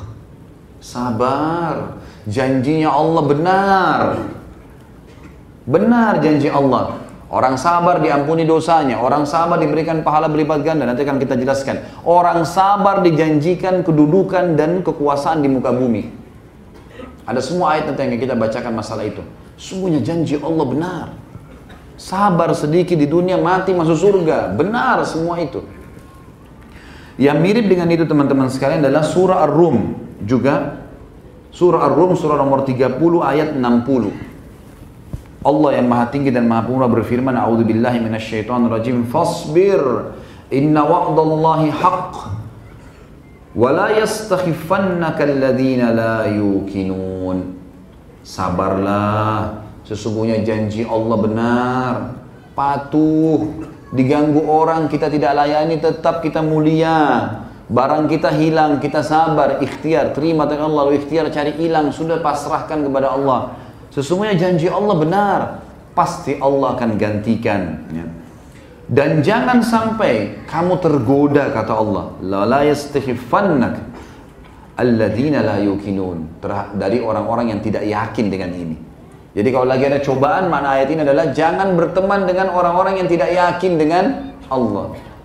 Lagi ada musibah teman-teman, jangan bicara sama ahli fa fasakah. Ya maksudnya orang-orang maksiat, ahli fasik, ahli maksiat. Maka kita akan diajak sama dia ke diskotik, ke bar, ke maksiat, ke makan macam-macam. Makin buram. Ya. Tenggelam di lautan makin ditenggelamkan. Bukannya malah dikeluarkan. Selanjutnya, dalil Al-Quran, surah Al-Insan, surah nomor 76 ayat 24. A'udzu billahi minasyaitonir rajim. Fasbir li hukmi rabbika wa la tuti' minhum athiman aw kafura. Bersabarlah hai Muhammad. Surah Insan surah nomor 76 ayat 24 ya. Sabarlah berpegang pada hukum Tuhanmu hai Muhammad dan ajarkan kepada umatmu itu. Dan jangan pernah kau ikuti orang-orang yang berbuat dosa serta orang buat kekufuran. Tidak usah ikuti walaupun kau dibenci, walaupun kau dihukum, jangan ikut-ikutan sama mereka toh maksimal adalah mati. Ya. Kalau di dunia kita akan keluar dan akan diberikan kemenangan. Selanjutnya teman-teman sekalian adalah janji Allah Subhanahu wa taala terhadap hamba-hambanya yang sabar akan diberikan kedudukan di muka bumi, kekuasaan. Dia akan dikenal, dia akan punya kedudukan, tapi melalui sabar dulu. Dikatakan dalam surah As-Sajdah, Surah nomor 32 ayat 24. A'udzu billahi minasyaitonir rajim. A'immatan yahduna bi amrina lamma sabaru kanu bi ayatina yuqinun. Ya. Dan kami jadikan mereka sebagai a'immah, pemimpin-pemimpin yang akan menjalankan petunjuk-petunjuk kami di muka bumi sesudah mereka sabar dan mereka yakin dengan ayat-ayat kami. Jadi teman-teman kalau kita lagi dicoba, diuji lalu kita kembali ke jalan Allah, iman kita makin kuat. Nanti setelah itu Allah kasih antum kedudukan, dikasih jabatan, dikasih harta, dikasih pasangan, dikasih keturunan. Datang cobaan seberat apa pun setelahnya kita akan tahu bagaimana menghadapinya. Juga Allah Subhanahu wa taala memuji orang-orang yang sabar Seperti misalnya surah Ibrahim. Allah memuji orang-orang yang sabar. Surah Ibrahim, surah nomor 14 ayat 5. A'udzu billahi minasyaitonir rajim. Dzakkirhum bi ayyamillahi inna fi dzalika laayatin likulli sabbarin syakur. Setiap ada orang mau lalai, setiap ada orang sudah mulai mulai kepada kemaksiatan, datangnya ke orang soleh. Dan orang soleh ini disuruh ingatkan, wadzakirhum bi ayyamillah. Ingatkan hari-hari ketemu dengan Allah, kematian, surga dan neraka. Ingat itu semua.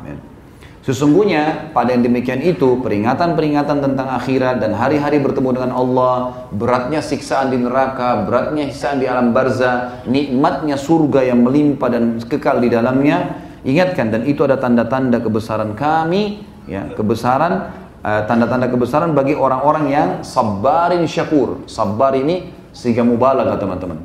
Artinya super sabar dan syakur, super syukur gitu. Subhanallah semua lisannya Alhamdulillah, Alhamdulillah. Ya sudah inna lillahi raji'un. Saya terima, saya terima. Ya Allah saya terima. Selalu begitu. Kemudian juga dalam firman Allah, Allah memuji tentang laki-laki dan perempuan yang sabar. Dalam surah Al-Ahzab, surah nomor 33 ayat 35. A'udzu billahi minasyaitonir rajim potongan ayatnya was-sabirina was-sabirat. Dan laki-laki yang suka sabar dan perempuan yang suka sabar. Teman-teman sampai ulama mengatakan begini. Banyak orang tidak sadar pada saat cobaan sedang datang sebenarnya Allah sedang memangkas umurnya dia dalam ketaatan. Kalau kita lagi ada cobaan teman-teman sekalian dan kita kembali ke jalan Allah, kita akan tersibukkan untuk mencarikan jalan keluarnya. Kita akan tersibukkan berdoa. Gak ada orang lagi sakit parah, lalu kemudian dia mau maksiat larinya kepada jalan Allah. Maka Allah sedang memangkas umurnya dalam ketaatan dan itu nikmat yang tidak bisa dibeli. Antum jangan heran kalau lagi ada cobaan, kita bisa nangis dalam doa. Kalau kembali ke Allah, nangis ya Allah kenapa ya Allah gini ya Allah mudahkan ya Allah berkah ya Allah angkat. Tapi kalau antum sudah hilang dari musibah itu, dari cobaan itu, kita mau nangis susah. Gak bisa. Doa pun kadang-kadang kita malas. Kalau kita tahu teman-teman pahala waktu sedang ada cobaan bagaimana besarnya Allah balas karena kehusyuan dalam doa, kehusyuan dalam sholat, ini luar biasa. Saya pernah teman-teman sekalian satu keadaan, pengalaman pribadi, saya sedang hadapi sesuatu, kemudian saya mau minta jalan keluar sama Allah. Cukup lama, beberapa bulan belum selesai permasalahan. Kemudian subhanallah saya mau khutbah Jumat. Lalu saya duduk masuk di masjid, di depan tempat masjid di depan tidak ada orang lihat gitu. Ada celah antara mimbar sama tempat itu, kemudian saya sholat. Memang waktu pada saat itu saya terbawa dengan arus, merasa nyaman sekali gitu ngeluh dengan keluh kesah dengan Allah. Sampai tidak rasa gitu nangis sama Allah sebutnya Allah mudahin ya Allah jadikan ini sebagai momentum imanku bertambah dan dan seterusnya beragam hal. Subhanallah antara celah mimbar itu dengan tembok ada celah kecil. Rupanya ada satu jemaah lihat saya dari jauh itu. Datang dia setelah itu.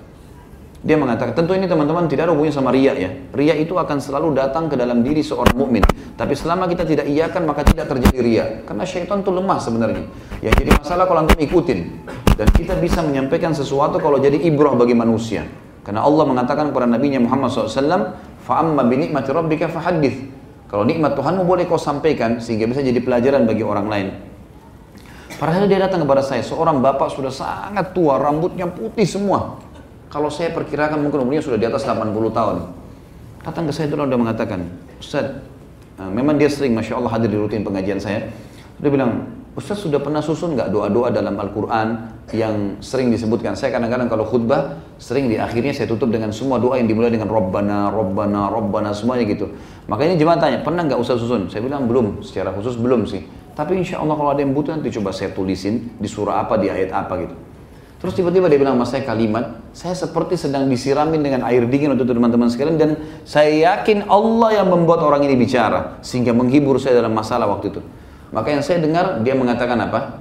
Ustaz, tadi waktu sujud baca doa apa? Kok saya lihat dari jauh enak sekali sujudnya. Ustaz tahu, sampai rambut saya seputih ini belum pernah saya rasakan nikmat sujud seperti itu. Saya berharap bisa sujud lama, tapi saya tidak tahu harus buat ucapkan apa. Kok bisa Ustaz sampai lama seperti itu? Saya dengan biasa mengatakan, ah, saya ada masalah, padahal saya keluh kesah dengan Allah. Nabi SAW mengatakan, akrabu abdun rabbi wa huwa sajid. Orang paling dekat dengan Tuhannya, penciptanya, pada saat dia sedang sujud. Ya sudah, saya sampaikan keluh kesah saya.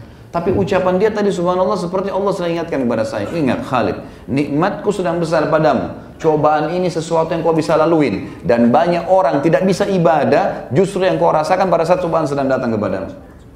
Ini pelajaran yang luar biasa sebenarnya. Maka sabar sedikit teman-teman dengan cobaan. Ini teman-teman yang selalu ribut dengan masalah cerai. Untuk apa cerai? Kecuali ahli maksiat yang sedang kita temui. Sabar ukhti, sabar akhi. Sabar, ingatkan pasangan, doakan. Gitu kan? Itu yang kita lakukan. Sedikit saja ada masalah, sudah langsung berputus hubungan dengan saudaranya muslim sedikit ada ini, sedikit ada itu, bahkan ada yang sampai durhaka dengan orang tuanya lah, putus silaturahim lah, segala macam hal. Apalagi yang lebih parah larinya kepada kemaksiatan, naudzubillah. Akhirnya dari ahli ibadah tiba-tiba berubah menjadi orang yang maksiat. Tiba-tiba mencaci maki Allah. Menganggap itu solusinya pada saat dia berzina di diskotik atau dia minum khamr. Wa. Kemudian dikatakan teman-teman sekalian dalam firman Allah yang lain tentang nabi-nabi Allah. Mereka diangkat derajatnya justru setelah cobaan datang. Dalam surah Al-Anbiya, surah nomor 21 ayat 85 Allah memuji tiga nabi sekaligus. A'udzu billahi minasyaitonir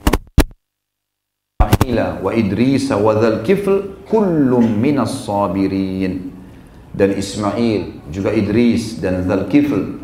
Kami tinggikan mereka justru karena mereka termasuk orang-orang sabar. Antum jangan berpikir teman-teman sekalian semua nabi-nabi ini dakwah langsung didengar. Enggak. Butuh juhud, dianggap penyihir, dianggap pendusta, difitnah macam-macam. Sabar, gitu kan? Ada ikhwah begitu difitnah sedikit berhenti dakwah. Kenapa? Kebenaran ini kok. Sampaikan sabar, nggak masalah. Allah akan tunjukkan kebenaran. Jangan malah kita kendor. Sabar teman-teman sekalian. Saya waktu pertama balik ke Indonesia, yang hadir di pengajian mungkin 3-4 orang teman-teman sekalian. Saya masih ingat, tapi saya tunjukkan kepada jemaah saya, saya komitmen. Tiga empat orang pun saya baca kitabnya, saya ajar. Ini Masya Allah antum sudah berapa ribu sekarang yang hadir. Kadang-kadang kalau ada orang tanya kepada saya, kok bisa jemaah antum jadi banyak? Ah, bukan dari saya, tanya di langit. Allah yang mengutus mereka. Bagaimana caranya saya tidak mungkin hubungin antum satu persatu untuk datang gitu kan. Jadi memang ada kuasa Allah dan memang banyak teman-teman. Saya melalui banyak cobaan. Mungkin kalau saya ceritain ke antum satu persatu, antum, oh ternyata begitu ya Khalid Basanama itu. Antum tidak nyangka kalau itu banyak cobaan yang berat gitu. Tapi itu bukan untuk dikeluh kesahkan, untuk dinikmatin sebagai sebuah proses Allah tinggikan derajat. Tadi itu saya lihat depan mata saya sendiri. Banyak sekali terjadi. Sabar teman-teman sekali, sabar. Maka sabar ini adalah sebuah senjata yang sangat luar biasa. Kemudian dikatakan juga tentang Nabi Ayyub alaihissalam. Nabi yang sangat mulia terkenal dengan kesabarannya. 20 tahun Allah coba, 20 tahun teman-teman sekalian, luar biasa. Allah mengatakan di dalam surah Sad, surah nomor 38 ayat 44. A'udzu billahi minasyaitonir rajim. Inna wajadnahu sabira. Ni'mal 'abd innahu awwab.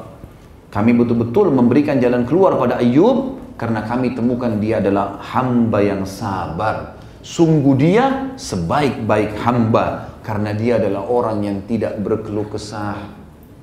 30 tahun menikah, istrinya 20 tahun, kemudian berjalan 20 tahun, tidak ada cobaannya Allah yang berat bagi dia, alaihi salatu wassalam, sampai umur 50 tahun teman-teman sekalian. Dikasih anak 12 orang laki-laki semua. Dia di, nabi dan raja di kaumnya Hartanya paling banyak, peternakannya paling banyak, jumlahnya ribuan ekor sapi, kambing, domba, unta, dan juga ya keturunannya banyak tadi, hartanya banyak dan dia raja. Secara fisik juga sempurna. Dia gagah, istrinya juga cantik. Punya kelebihan. 20 tahun. Pas umur 51 tahun teman-teman, tadi dia nikah umur 30 sampai umur 50 tahun dalam nikmat. Umur 51 tahun. Dan ini berat sekali ya.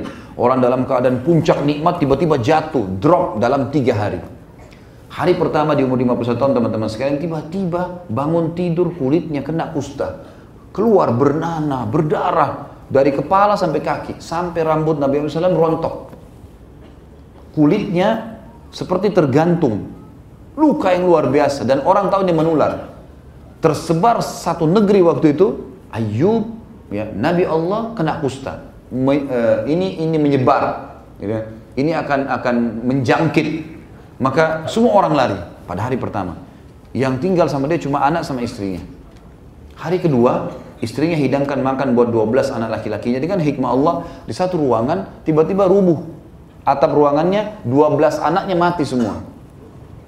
Gak ada sakit, gak ada apa nih. Mati tiba-tiba.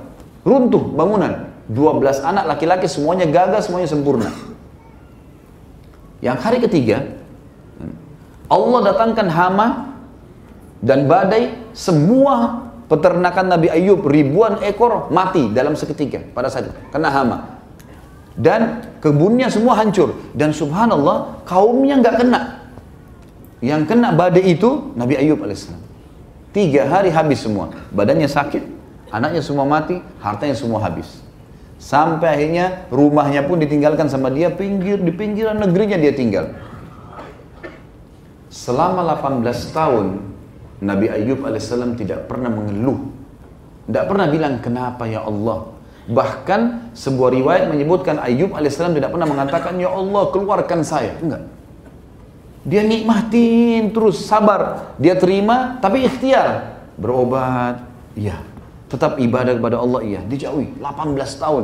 Yang tinggal sama dia cuma istrinya. Setelah 18 tahun istrinya bilang apa? Wahai Nabi Allah, Anda kan Nabinya Allah. Sudah 18 tahun loh tidak berdakwah ini. Bagaimana kalau Anda memohon kepada Allah agar disembuhkan penyakit Anda ini?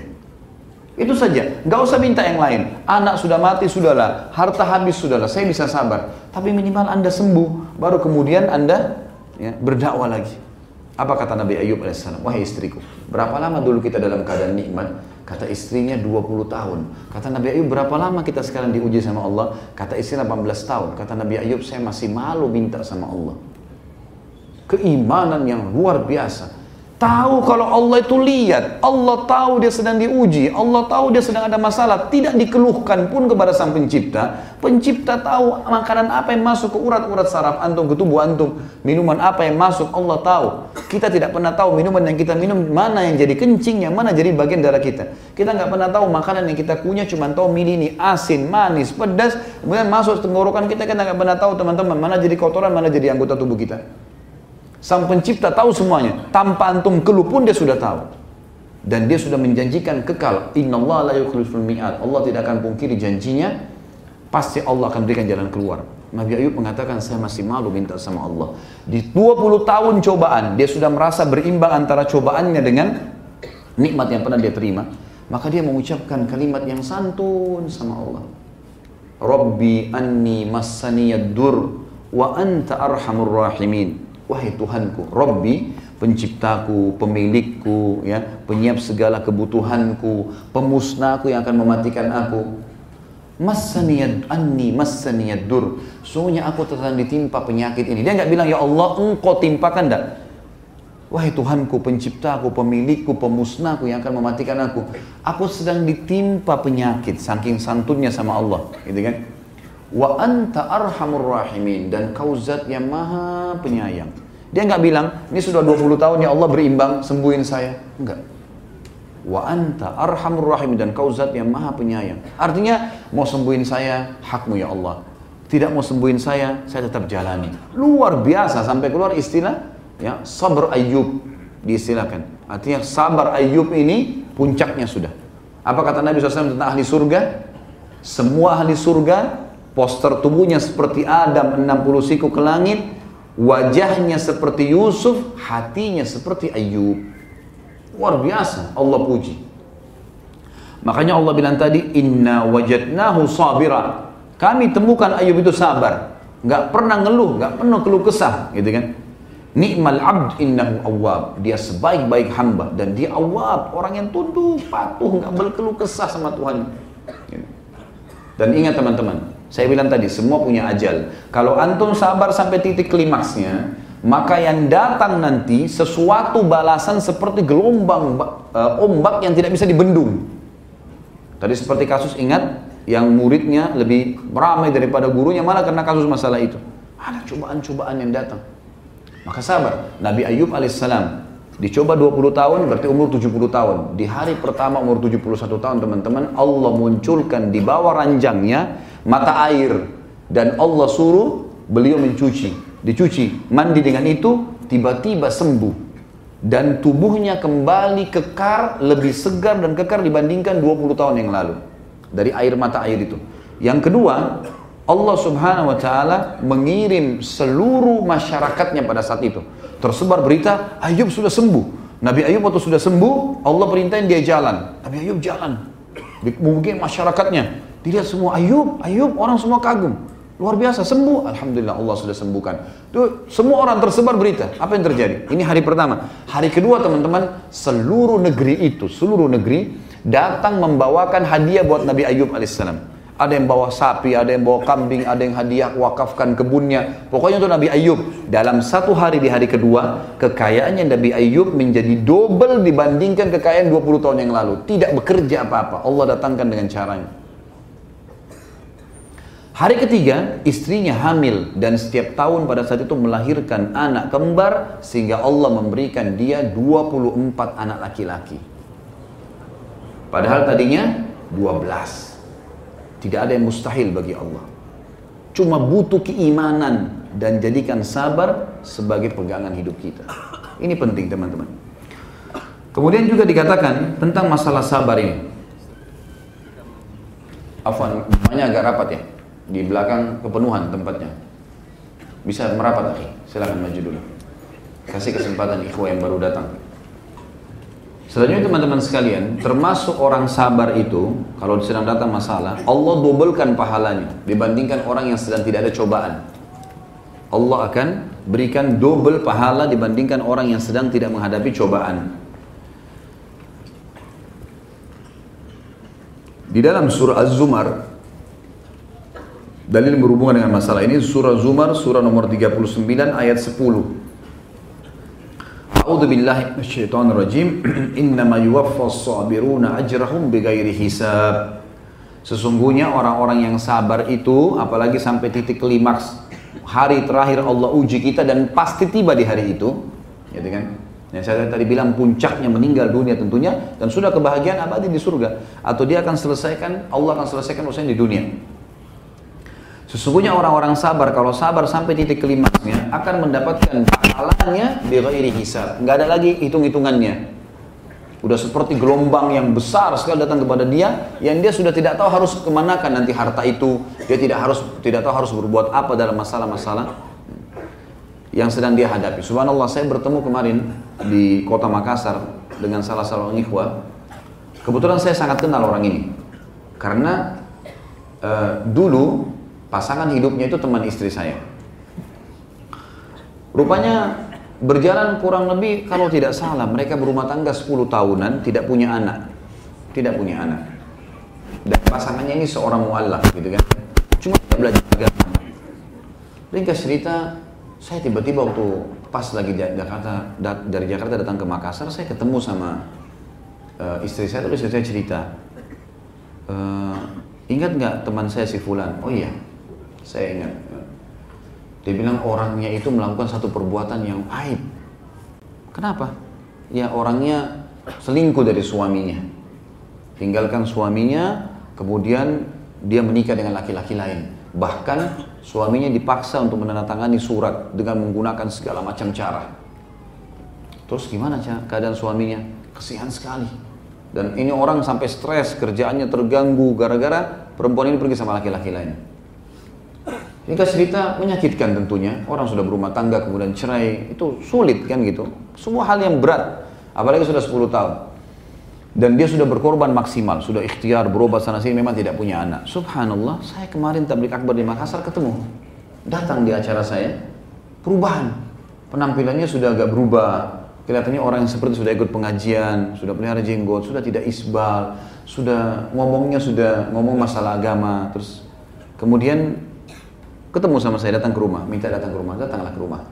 Terus saya ngobrol dia ngobrol dia gembira sekali. Saya masya Allah, di mana antum sekarang? Oh tetap sama kerja di tempat itu dan seterusnya. Terus saya bilang e, bagaimana masalah antum? Kebetulan dia bilang saya tadi hadir di pengajian antum bersama istri dan anak-anak. Saya tanya, Karena dia ucapkan itu. Emang antum sudah menikah? Dia bilang, Alhamdulillah sudah. Saya menikah kurang lebih empat tahun atau lima, empat tahun yang lalu.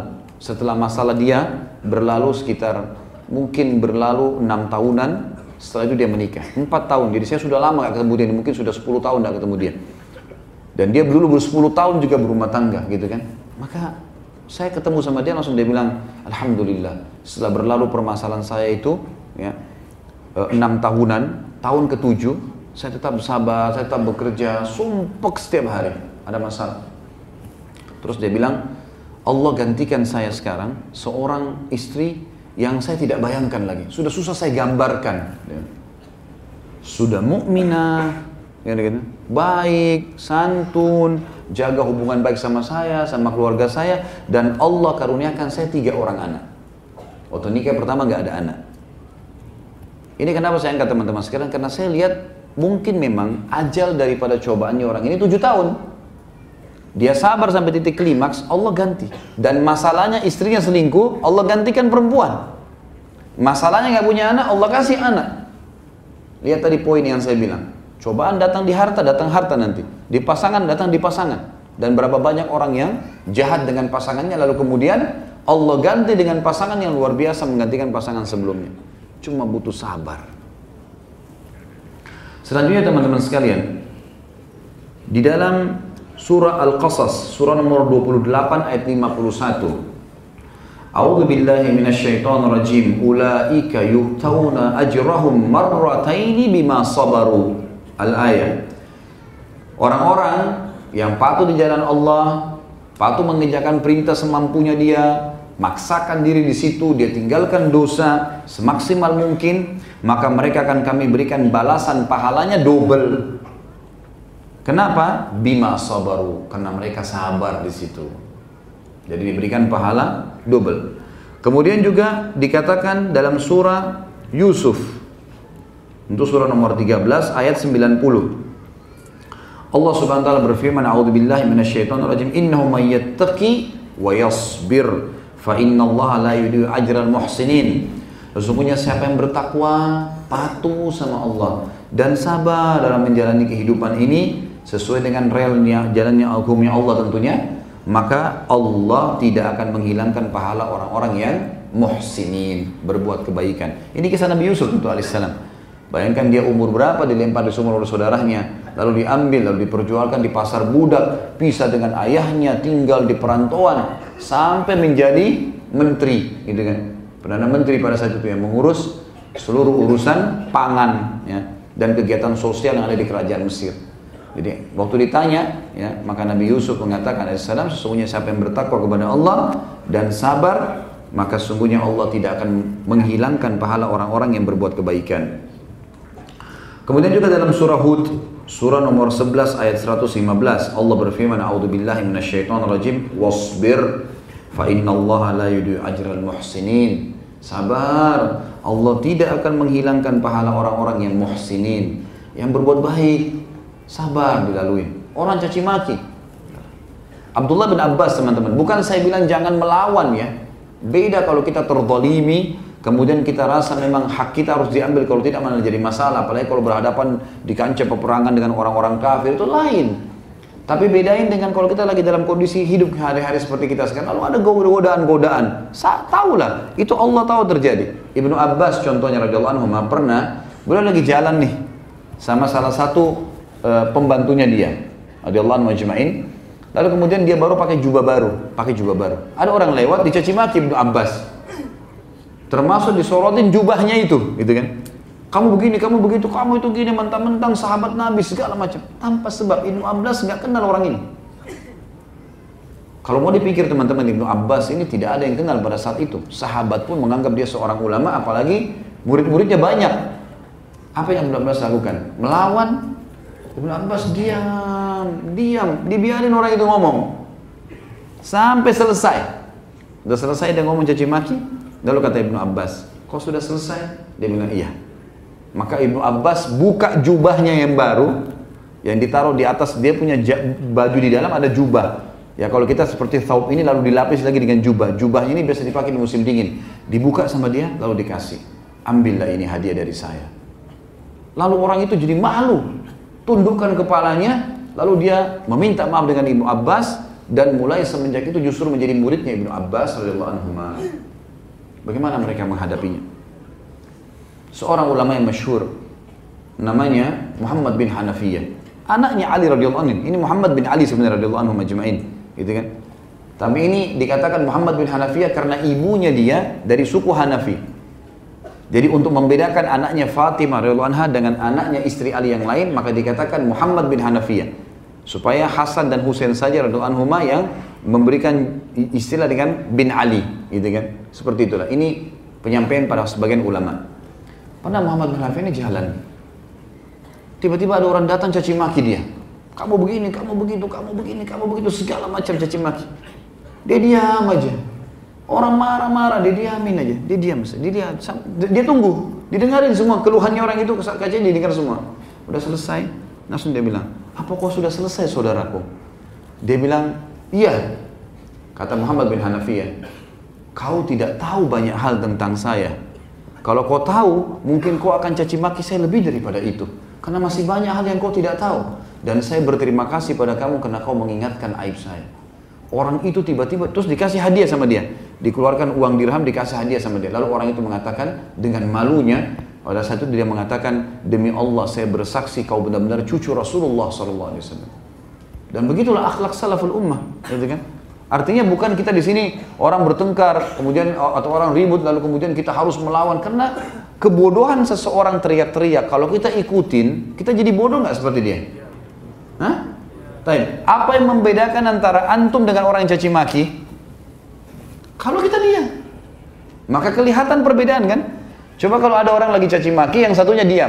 Antum lihat dari jauh. Siapa yang orang antum muliakan? Jelas orang yang diam. Iya kan? Itu bukan berarti dia lemah kok. Kita bicara masalah cacian ya. Kalau ada orang digebukin, dipukul, lalu kemudian dia bisa membela dirinya, itu lain. Bela dirinya, kemudian dia pergi. Dan juga boleh kita gunakan cara lain adalah firman Allah Subhanahu wa taala, "A'udzu billahi minasyaitonir rajim, wa idza khatabahumul jahiluna qalu salama." Kalau mereka diajak bertengkar ribut sama orang yang dianggap bodoh dalam agama, mereka mengatakan salama. Terserah kamu deh, lu kita pergi. Kalau ada yang bertanya baru kita jelaskan. Seperti ini sebenarnya, seperti ini sebenarnya. Selebihnya tawakal. Udah, biarin Allah, Allah yang mengatur semuanya. Tidak usah kita terlalu sibukkan diri. Gitu. Kita harus tahu ada campur tangan pencipta kita yang luar biasa. Kemudian juga ini tentunya pahala tentang orang-orang yang dipergandakan pahala orang yang sabar. Terakhir teman-teman sekalian kita masuk ke masalah ada dua poin ya. Perintah Allah Subhanahu wa taala kepada kita untuk ya berdoa agar bisa sabar. Jadikan sebagai bagian doa kita. Di antaranya adalah surah Al-Baqarah surah nomor 2 ayat 250. Ayat 250. Allah berfirman, "A'udzu billahi minasyaitonir rajim. Rabbana afrigh 'alaina sabran wa tsabbit aqdamana wansurna 'alal qaumil kafirin."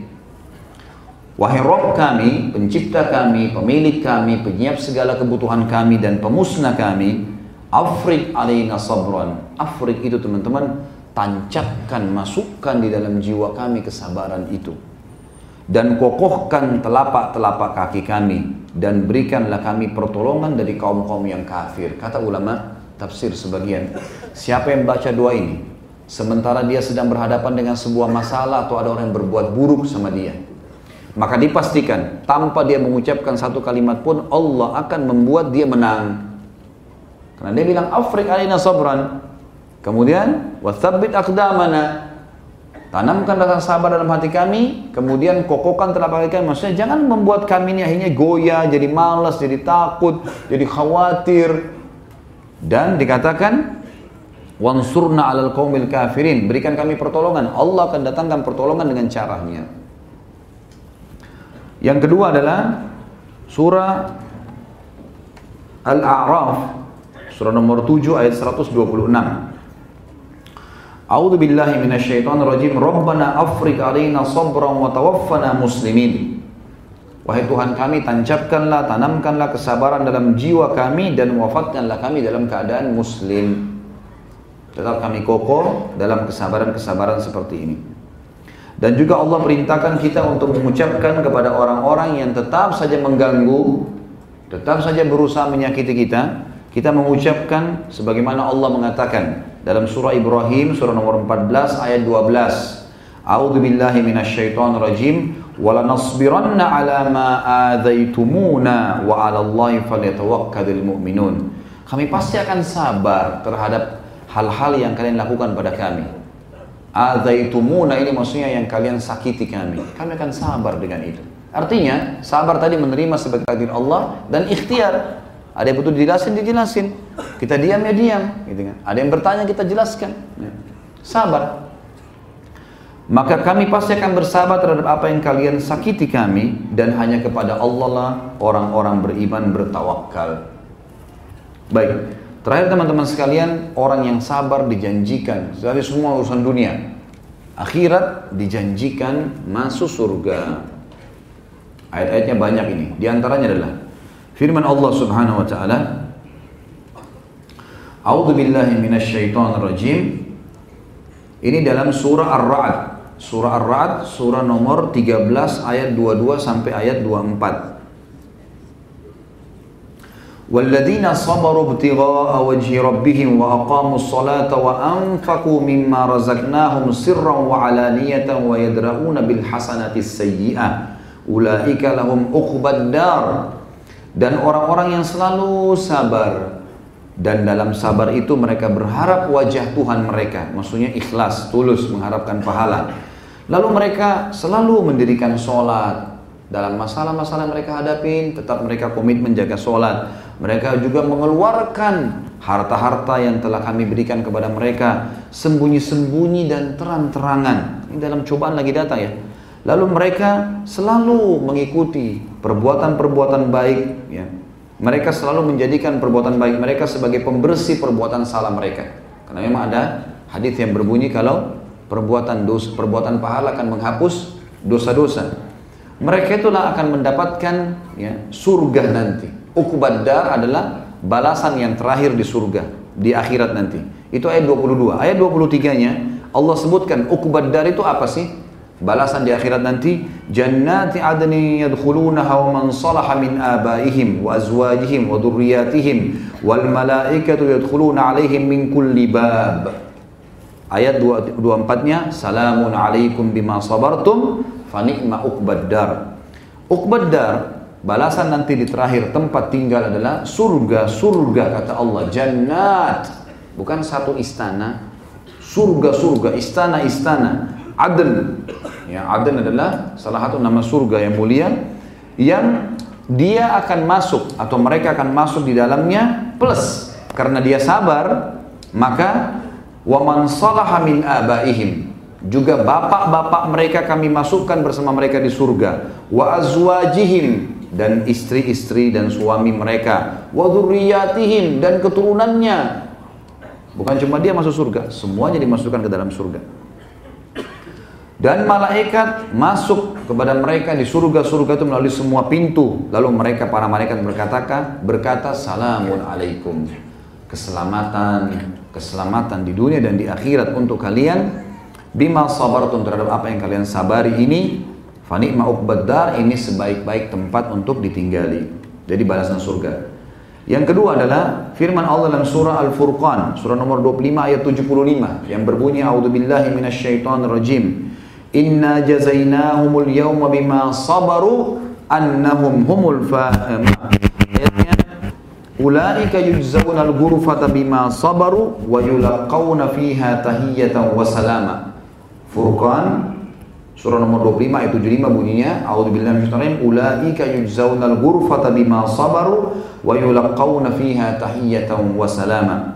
Mereka-mereka itu akan masuk ke dalam istana-istana di surga karena mereka sabar selama di dunia dan mereka di sana di dalam surga mendapatkan sambutan-sambutan yang meriah dan ucapan-ucapan selamat.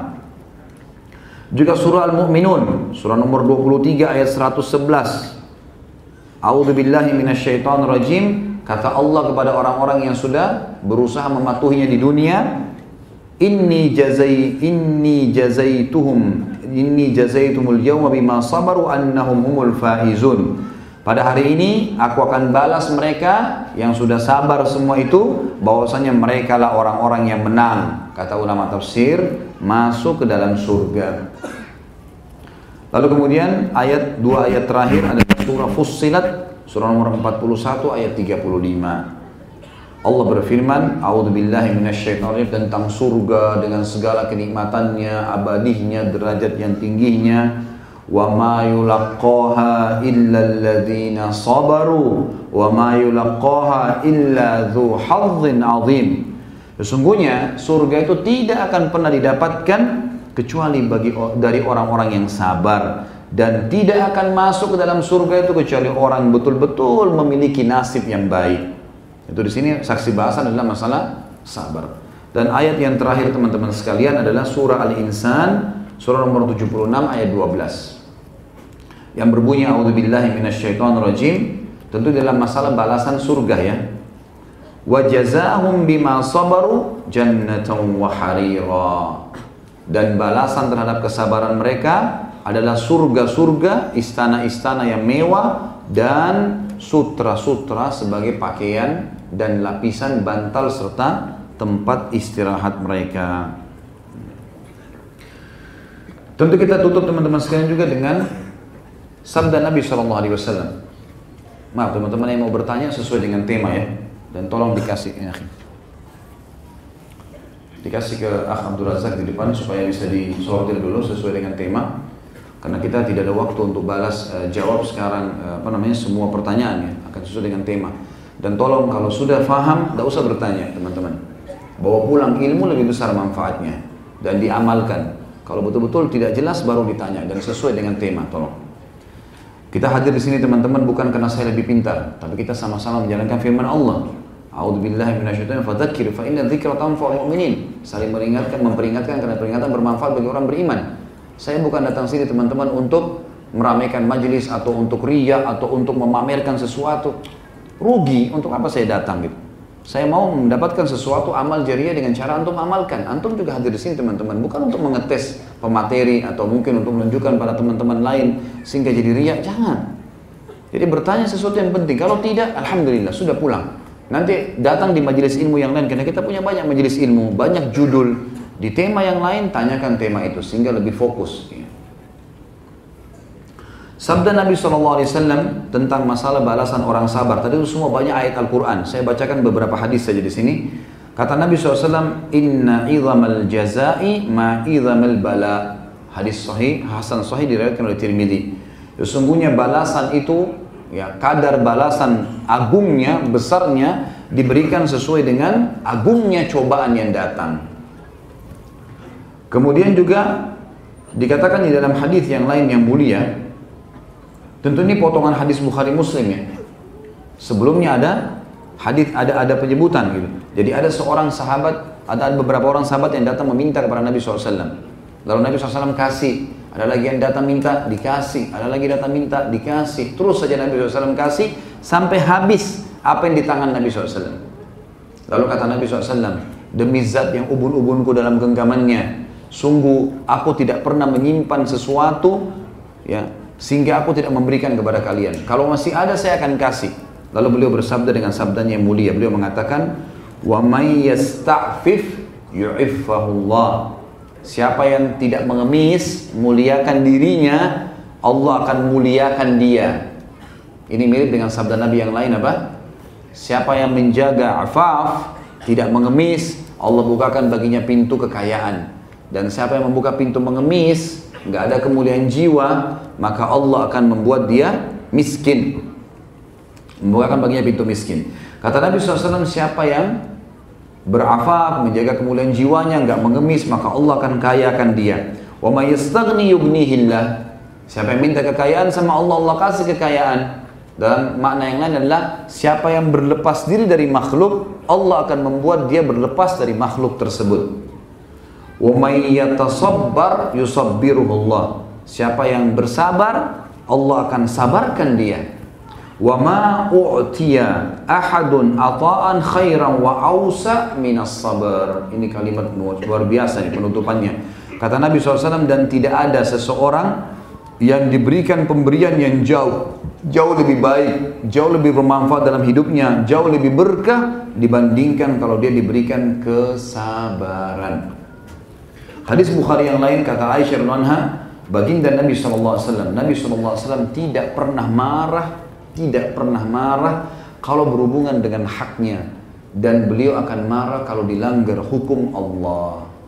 Kalau masih masalah haknya dia, minta maaf ya, ya sudah, belum bisa bayar ya, ya sudah. Allah tahu kok. Allah akan gantikan. Harus keyakinan itu. Tidak usah kita paksain. Kalau bisa ya sudah, kalau nggak bisa ya sudah. Gitu. Mudahin kehidupan. Karena dunia sebentar. Jangan sia-siakan hal-hal kita pada kesedihan yang berlebihan karena syaitan suka buat begitu atau angan-angan yang berlebihan seperti banyak orang mau cerai diangan-angankan sama syaitan kau mampu kok bisa aja gini gini gini segala macam syaitan angan-angan Terus habis itu mau ke mana? Mau ribut lagi, mau nikah lagi, mau masak, untuk apa? Gitu kan? Gak ada manfaatnya sama sekali. Maka harusnya difahamin masalah-masalah seperti ini teman-teman sekalian. Semoga saya kita bisa ambil pelajaran dari tokoh kita, Khabab radhiyallahu anhu dan semoga Allah menyatukan kita bersama mereka dan beliau dan juga orang-orang lain dari para sahabat alaihim dan teman-teman sekalian pesan saya terakhir sebelum pertanyaan mulai sekarang mulai sekarang terapkan setiap hari teman-teman baca kisah satu sahabat buka sebelum tidur malam hari atau di waktu antum lowong, ketik di Google tentang kisah sahabat, satu orang sahabat. Urutkan, saya mau baca tentang sahabat fulan, baca satu hari. Saya bilang sama istri saya, berapa waktu lalu tentunya saya bilang, mulai sekarang saya kasih PR buat kamu. Baca kisah seorang sahabiat, satu hari satu. Dan store ke saya, saya mau dengar. Siapa yang kau baca hari ini? Biar saya tahu kamu tuh baca apa gitu. Teman-teman sekalian, bukan saya larang baca koran, bukan saya larang baca berita. Tapi ini jadikan sebagai sesuatu yang ke nomor 100 sekian. Baca Quran, baca kisah sahabat, baca tentang surga dan neraka yang bisa membuat antum berubah jadi lebih baik. Itu penting. Kita tidak sibuk tiap hari baca koran ini beritanya apalagi yang baru. Ini apalagi yang baru, gosip apa yang baru, ini apa yang baru. Tidak ada yang baru dalam Islam, Quran dan hadis Nabi SAW. Kisah sahabat dan tabi'in, orang-orang saleh. Itu yang membawa kita pada hal kebahagiaan dunia dan juga akhirat teman-teman sekalian. Menjaga hubungan sama Allah sesuatu yang paling mahal bagi orang beriman dan jauh dari Allah adalah sesuatu kehancuran dan kerugian yang luar biasa. Allahu a'lam. Ini. Masya Allah. Hmm? Banyak sekali pertanyaan.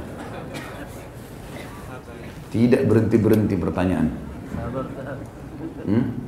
Iya insya Allah. Saya, kalau saya tidak sabar saya nggak baca.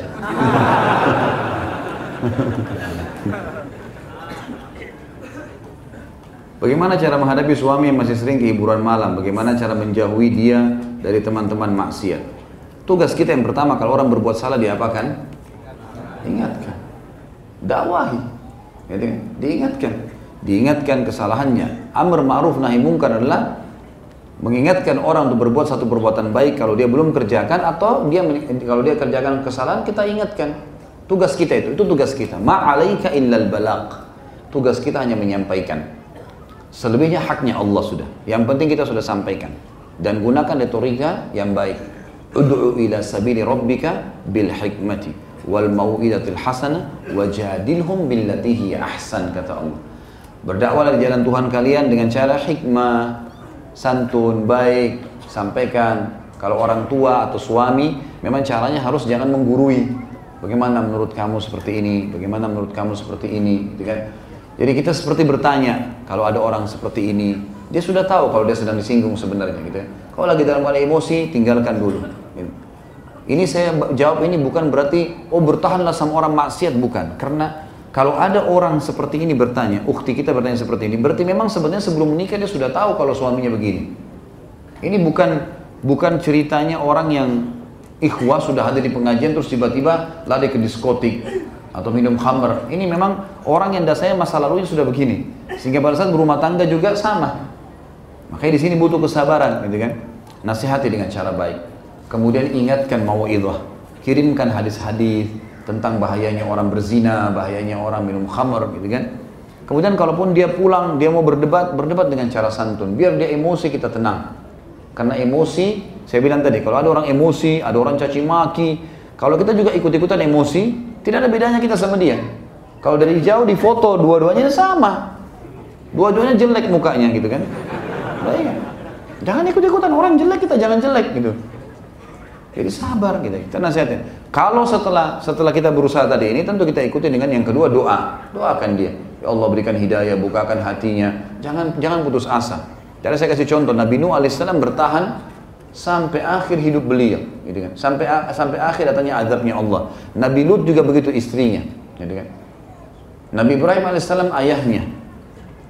Ini ada ada contoh pasangan hidup tadi ya, Nabi Lut sama Nabi Nuh. Ini sudah contoh yang luar biasa sebenarnya. Asia dengan suaminya Firaun, gitu kan? Bertahan loh itu. Dia sempat bertahan, gitu kan? Nanti pada saat salah satu budak wanitanya Asia dibunuh dengan anak-anaknya oleh Firaun, barulah Asia mengatakan, "Kenapa kau membunuh orang yang beriman sama Allah?" Firaun jadi tahu, kalau Asia juga beriman. Kau juga sudah beriman? Iya, saya juga beriman. Maka disiksa oleh Firaun. Dalam riwayat dikatakan dipukulin sama Fir'aun di bawah terik matahari sampai berdarah-darah. Sampai sebagian bajunya ya alaihassalam itu terbuka terbuka. Maka dia pun sudah tidak tahan sama sekali lalu dia mengangkat kepalanya ke langit sambil mengatakan dalam Al-Quran, Rabbi ibni li baitan fil jannah. Ya Allah, saya tahu ini saya sudah disiksa. Saya juga, kalaupun selamat, Fir'aun sudah tidak akan tinggalkan saya di istana ini. Gantikan saya rumah di surga. Waktu dia angkat kepalanya ke langit, Allah perlihatkan istananya di surga. Maka dia tersenyum. Asia tersenyum. Pada saat tersenyum, kata Fir'aun, wanita ini sudah gila sudah berdarah-darah, sudah akan dibunuh masih tersenyum, bunuh dia, dibunuh Asia. Maka mati syahidlah dia di jalan Allah. Allah berikan tunjukkan. Jadi pasangan hidup memang ini satu hal yang harus dijaga teman-teman sekalian. Apa dikata gini? Kalau sudah puncaknya, sudah kita nasihatin, sudah kita luruskan, kemudian kita melihat, kita melihat secara pribadi, saya kalau saya kalau bertahan, saya malah yang terpengaruh, saya yang bisa terpengaruh. Maka saya ingin mengganti pasangan yang lebih baik. Boleh, tidak ada masalah. Karena pasangan yang sudah berbuat kemaksiatan dosa besar, zina, apa saja dosa besar, dan sudah berdiri, pak sudah sampai padanya hujah. Dinasihatin dulu. Jangan begitu kita tahu satu kali pasangan kita zina langsung kita cerai. Enggak, bukan itu. Bukan juga kita memudahkan perzinahan, bukan. Tapi ada orang berbuat salah, subhanallah khilaf. Ada di antara sahabat berzina, mengaku di depan Nabi SAW, gitu kan? tapi pasangannya tidak cerai dengan dia, maka ini perlu kita cari tahu e, e, bayangkan teman-teman dengan dengan cara yang baik dan puncak-puncaknya saran saya adalah istikharah kepada Allah. Kalau Allah tenangkan hati, Allah mudahkan dengan sendirinya bercerai, sudah alhamdulillah gitu. Apakah arti kebahagiaan bagi seorang mukmin menurut Al-Quran dan Sunnah? Karena ada kebiasaan orang miskin melihat, um, karena ada apa ini ya? Ada sebagian, ada sebagian orang miskin melihat menjadi kaya adalah kebahagiaan. Orang sakit melihat orang yang sehat adalah kebahagiaan. Tentu saja kebahagiaan ini relatif besar kan kebahagiaan. Semua yang membuat orang su tentram dikatakan bahagia. Kan itu. Kita bangun tidur sehat, oh saya bahagia. Kita dapat uang, kita bahagia. Dapat keturunan, bahagia. Soalnya gembira namanya kebahagiaan. Tapi ini tentu ada tingkatan-tingkatannya, gitu kan. Ada orang miskin, dia lihat bahwasanya harta itu kalau dia kaya dia bahagia. Ini nggak bisa kita salahkan. Tetapi kebahagiaan itu akan betul-betul dia capai pada saat dia punya harta kalau dia seperti sabda Nabi SAW, nikmal malu salih di abdis salih. Harta yang paling baik adalah harta yang halal di tangan orang yang saleh harta yang saleh di harta tang, di tangan orang yang saleh artinya harta yang halal dan di tangan orang yang faham tentang haknya uang itu itu baru dia dapat puncak kebahagiaannya. Dia kaya kemudian dia infakkan. Tapi kalau cuma sekedar dia miskin lalu dia mengatakan saya kayaknya pengen orang kaya kaya seperti itu. Nanti biarpun kalau saya kaya saya akan buat sama. Buat diskotik lah buat apalah segala macam buat maksiat. Maka ini tidak ada kebahagiaan di situ. Karena kata Nabi SAW manusia empat golongan. Golongan pertama yang paling mulia adalah orang, yang Allah karuniai harta, eh, ilmu dan harta. Makanya jadikan dalam salah satu doa-doa antum ikhwan dan akhwat sekalian, Allah merzukni ilman wa mala. Waj'alni mimman yuhlikuhuma ala halaqati fil haqq. Ya Allah karuniakanlah aku ilmu dan harta. Dan jadikanlah aku orang yang menghabiskan keduanya di jalanmu. Kenapa kata Nabi SAW manusia terbaik adalah Pertama, orang yang Allah karuniai ilmu dan harta, lalu dia menghabiskan keduanya di jalan Allah. Selalu dia ngajar, dia selalu berinfak dan menggunakan di jalan yang benar. Golongan yang kedua adalah orang yang Allah karuniai ilmu tanpa harta. Dia pintar agama tapi nggak nggak ada hartanya, susah hidupnya. Tapi dia bisa meraih derajat orang yang pertama dengan cara dia mengatakan, Ya Allah kalau engkau karuniakan aku harta seperti fulan, dia soleh itu juga orang soleh. Kalau saya sama dengan saya akan buat yang sama. Kata Nabi SAW, Fahuma fi ajri sawa. Mereka dalam pahala sama. Tapi dalam keadaan memang dia tidak punya ya. Jangan sampai jangan sampai ada dua si A sama si B, dua-dua punya ilmu, punya harta. Lalu yang si A mengerjakan apa yang tadi? Di, semua dihabisin jalan Allah. Ngajar sepanjang hari, kemudian dia juga infakkan hartanya digunakan jalan yang benar. Kemudian si B melihatnya, lalu si B bilang, cukup saya dengan niat aja deh. Gitu. Sekarang dia bilang, ya sudahlah, ini orang bangun masjid. Saya juga kalau ada kesempatan saya mau masjid. Padahal dia bisa, ada duitnya. Ini nggak masuk dalam hal ini. Yang masuk adalah memang orang yang tidak punya harta. Lalu dia lihat, coba ya kalau betul-betul ikhlas dalam hatinya, tulus. Dia mengatakan kalau saya punya seperti dia, saya akan buat sama. Betul-betul kalau Allah kasih dia akan Allah Allah lebih tahu niatnya. Allah akan kasih dia pahala sama. Sebanyak apa pun perbuatan orang itu. Makanya teman-teman kalau lihat orang punya kelebihan dalam agama, minta kepada Allah akan diberikan yang sama. Kalau ada kesempatan saya mau buat ya Allah dengan tulus, Allah kasih pahalanya sama. Golongan ketiga, orang yang Allah karuniai harta tanpa ilmu, nggak ada ilmu agama. Nah, ini kesalahan fatal nih. Sehingga dia tidak tahu mana halal, mana haram. Lalu uangnya dihabiskan di jalan kesalahan, kebatilan. Mabuk-mabukan, lazina dan seterusnya. Kemudian datang golongan keempat, dia bukan lihat golongan kedua dan ke, ke, pertama, tapi dia lihat golongan ketiga. Ini yang jadi tadi saksi bahasan kita di pertanyaan. Lalu dia bilang, kalau seandainya saya punya harta seperti golongan tiga tadi, yang banyak berbuat maksiat, maka saya akan buat seperti dia.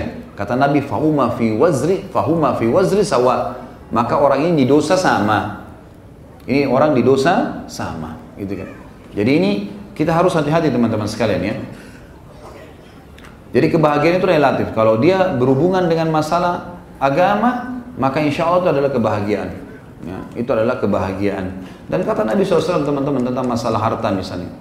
Uh, kata, uh, tentang masalah orang kalau terlalu tergila-gila dengan harta yang banyak. Kata Nabi SAW, siapa yang bangun tidur, jasadnya sehat, dia punya makanan hari itu, dia punya rumah atau tunggangan yang dia bisa gunakan, dia adalah orang yang terkaya. Udah, gitu. Sudah cukup buat dia.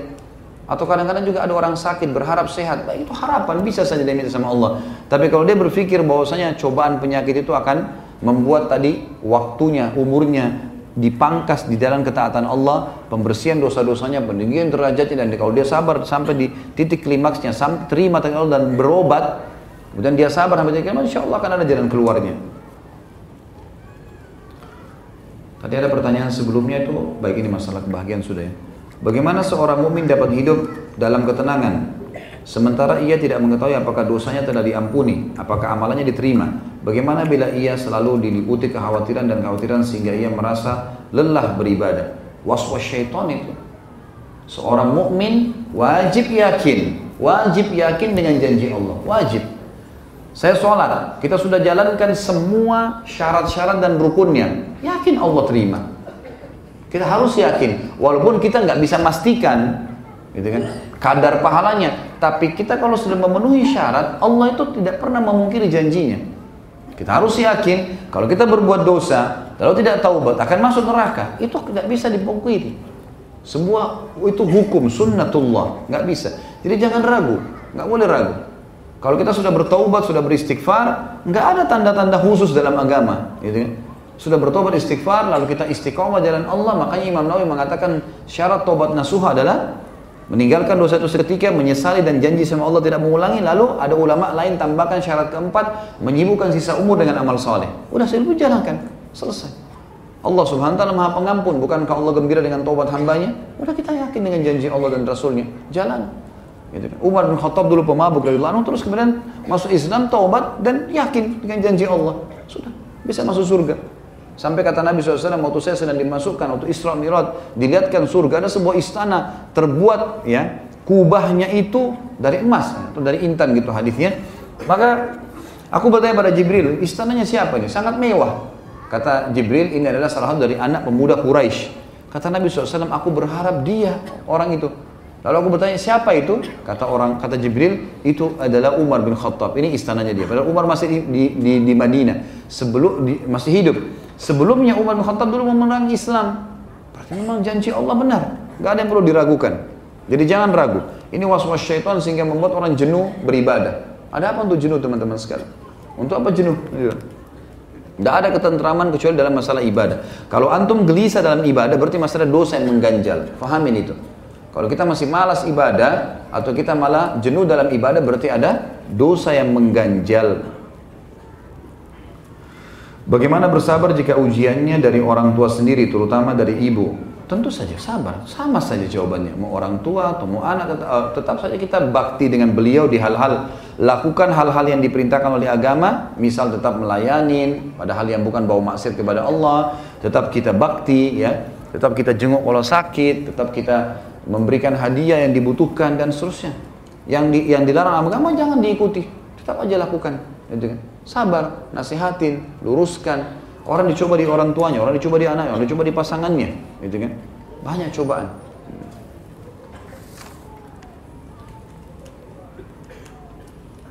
Bagaimana cara sabar menghadapi istri yang selingkuh dengan laki-laki lain? Dan apakah itu bisa disebut takdir Allah yang harus diterima secara, uh, dengan ikhlas? Dan apakah talak sudah jatuh apabila istri sudah meninggalkan rumah. Mohon penjelasannya Ustaz. Hmm, agar hati saya bisa tenang. Tentu saja orang mukmin tahu kalau setiap orang bisa berbuat salah. Kalau istri antum ini selingkuh kemudian memang diahnya sudah taubat nasuha. Memang dia taubat nasuha, memang saya salah, saya taubat nasuha. Ini antum punya khiar. Orang punya khiar. Yang terbaik terima dan sabar, gitu kan? Karena kata Nabi SAW dalam sebuah hadis kepada seorang sahabat laki-laki mengatakan, Ya Rasulullah, inna mra'ati la taruddu yadul lamis. Wahai Rasulullah, istriku tidak nolak tangannya setiap penjamah. Ini maksudnya supel sekali atau kata sebagian ulama hadis bahkan perempuan ini suka selingkuh. Kata Nabi SAW, talikha, ceraikan aja kalau gitu. Dia bilang, lakin nih uhibbuha, tapi saya mencintainya. Maka kata Nabi SAW, amsikha.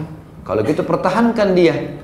Dalam arti kata, luruskan kesalahannya, sabar sampai kamu mampu, semampu kamu. Gitu. Kalau kamu memang tidak bisa, karena memang kadang-kadang subhanallah, pasangan kita ini karena kita sudah terlalu cinta, nggak bisa kita ceraikan, atau nggak bisa cerai dengan kita. Kita berat untuk cerai, kalau kita cerai malah mudaratnya lebih berat. Kita jadi sumpah, kita jadi sedih, maka jangan terjadi. Gitu kan. Kecuali sudah betul-betul maksimal, kita sudah tak yakin memang ada sebuah poin yang bisa mendongkrak kita untuk meninggalkan, ya sudah. Barulah seperti itu. Allah mengatakan walaman sabara wa ghafara inna dzalika min azmil umur.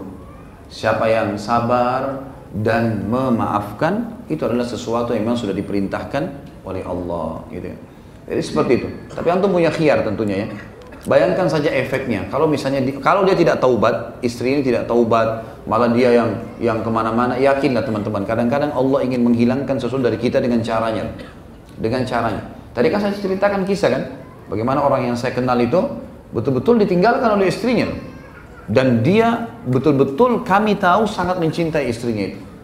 Karena ini teman keluarga, teman dekat tahu sangat mencintai pasangannya, subhanallah, gitu kan. Tapi ditinggalkan dengan perselingkuhan. Allah gantikan tuh, sabar, gitu kan. Kalau memang seperti itu, apalagi kalau sudah tinggalkan rumah. Baik pertanyaan, kalau sudah tinggalkan rumah sudah jatuh tolak atau tidak? Jawabannya tidak. Tapi dia berdosa besar. Karena sabda Nabi Shallallahu Alaihi Wasallam, wanita pun yang wanita mana pun yang keluar rumahnya tanpa izin suaminya maka dia dilaknat sampai dia kembali. Makna dia dilaknat adalah diangkat berkah hidupnya, tapi tidak terjadi perceraian. Perceraian terjadi hanya kalau suami mengucapkan kalimat cerai atau si istri yang mengajukan uh, kepada hakim dan hakim sudah mengiyakan. Itu baru terjadi perceraian. Dan pada saat itu baru dihitung masa iddah. Dihitung masa iddah. Jadi tidak. Dengan dia keluar tidak tapi kalau saya bahasa saya teman-teman yang bertanya, mohon semoga Allah keluarkan antum dari masalah antum ini dan seluruh muslimin yang sedang hadapi masalah tentunya. Uh, kalau seandainya istri ini memang betul-betul dia selingkuh sama laki-laki lain dan bebas hidupnya, dasarnya memang ya terbuka sekali pintu zina dengan dia lah, gitu kan? Maka kalau dia pergi dari rumah teman-teman sekalian antum sujud syukur kepada Allah. Itu pasti kebaikan. Allah mau kebaikan karena kalau dia bertahan maka antum akan sakit hati terus dan yakin puncaknya Allah akan gantikan. Masalah dengan perempuan, perempuan akan datang. Dan perempuan yang datang teman-teman sekalian akan datang emasnya. Para wanita, bidadari surga, bidadari dunia akan datang. Allah akan kirim. Banyak kasus yang saya lihat dalam lapangan seperti itu. Sabar, sabar, akhirnya Allah datangkan pasangan yang luar biasa. Baik perempuan ataupun laki-laki. Karena mereka sabar, akhirnya ditinggal oleh pasangannya, kemudian Allah gantikan yang jauh lebih baik daripada itu. Allahu a'lam. Jika kita sabar namun kita menangis, tetap menangis, apa itu termasuk sabar? Tentu saja, nggak masalah. Menangis adalah ungkapan, gitu kan? Tetapi kita berusaha, ya, bukan berarti tidak sabar kalau nangis ya, karena kita kesakitan misalnya, badan kita sakit, ada luka, kalau kena sakitnya kita nangis, tetap sabar namanya, tidak ada hubungannya dengan itu. Atau ada seseorang nyakitin kita, lalu kita ah, sambil lulus dada, ya sudahlah, saya sabar, tapi sambil netes air mata itu tidak salah. Karena Nabi SAW pernah menangis dengan meninggalnya Ibrahim anaknya.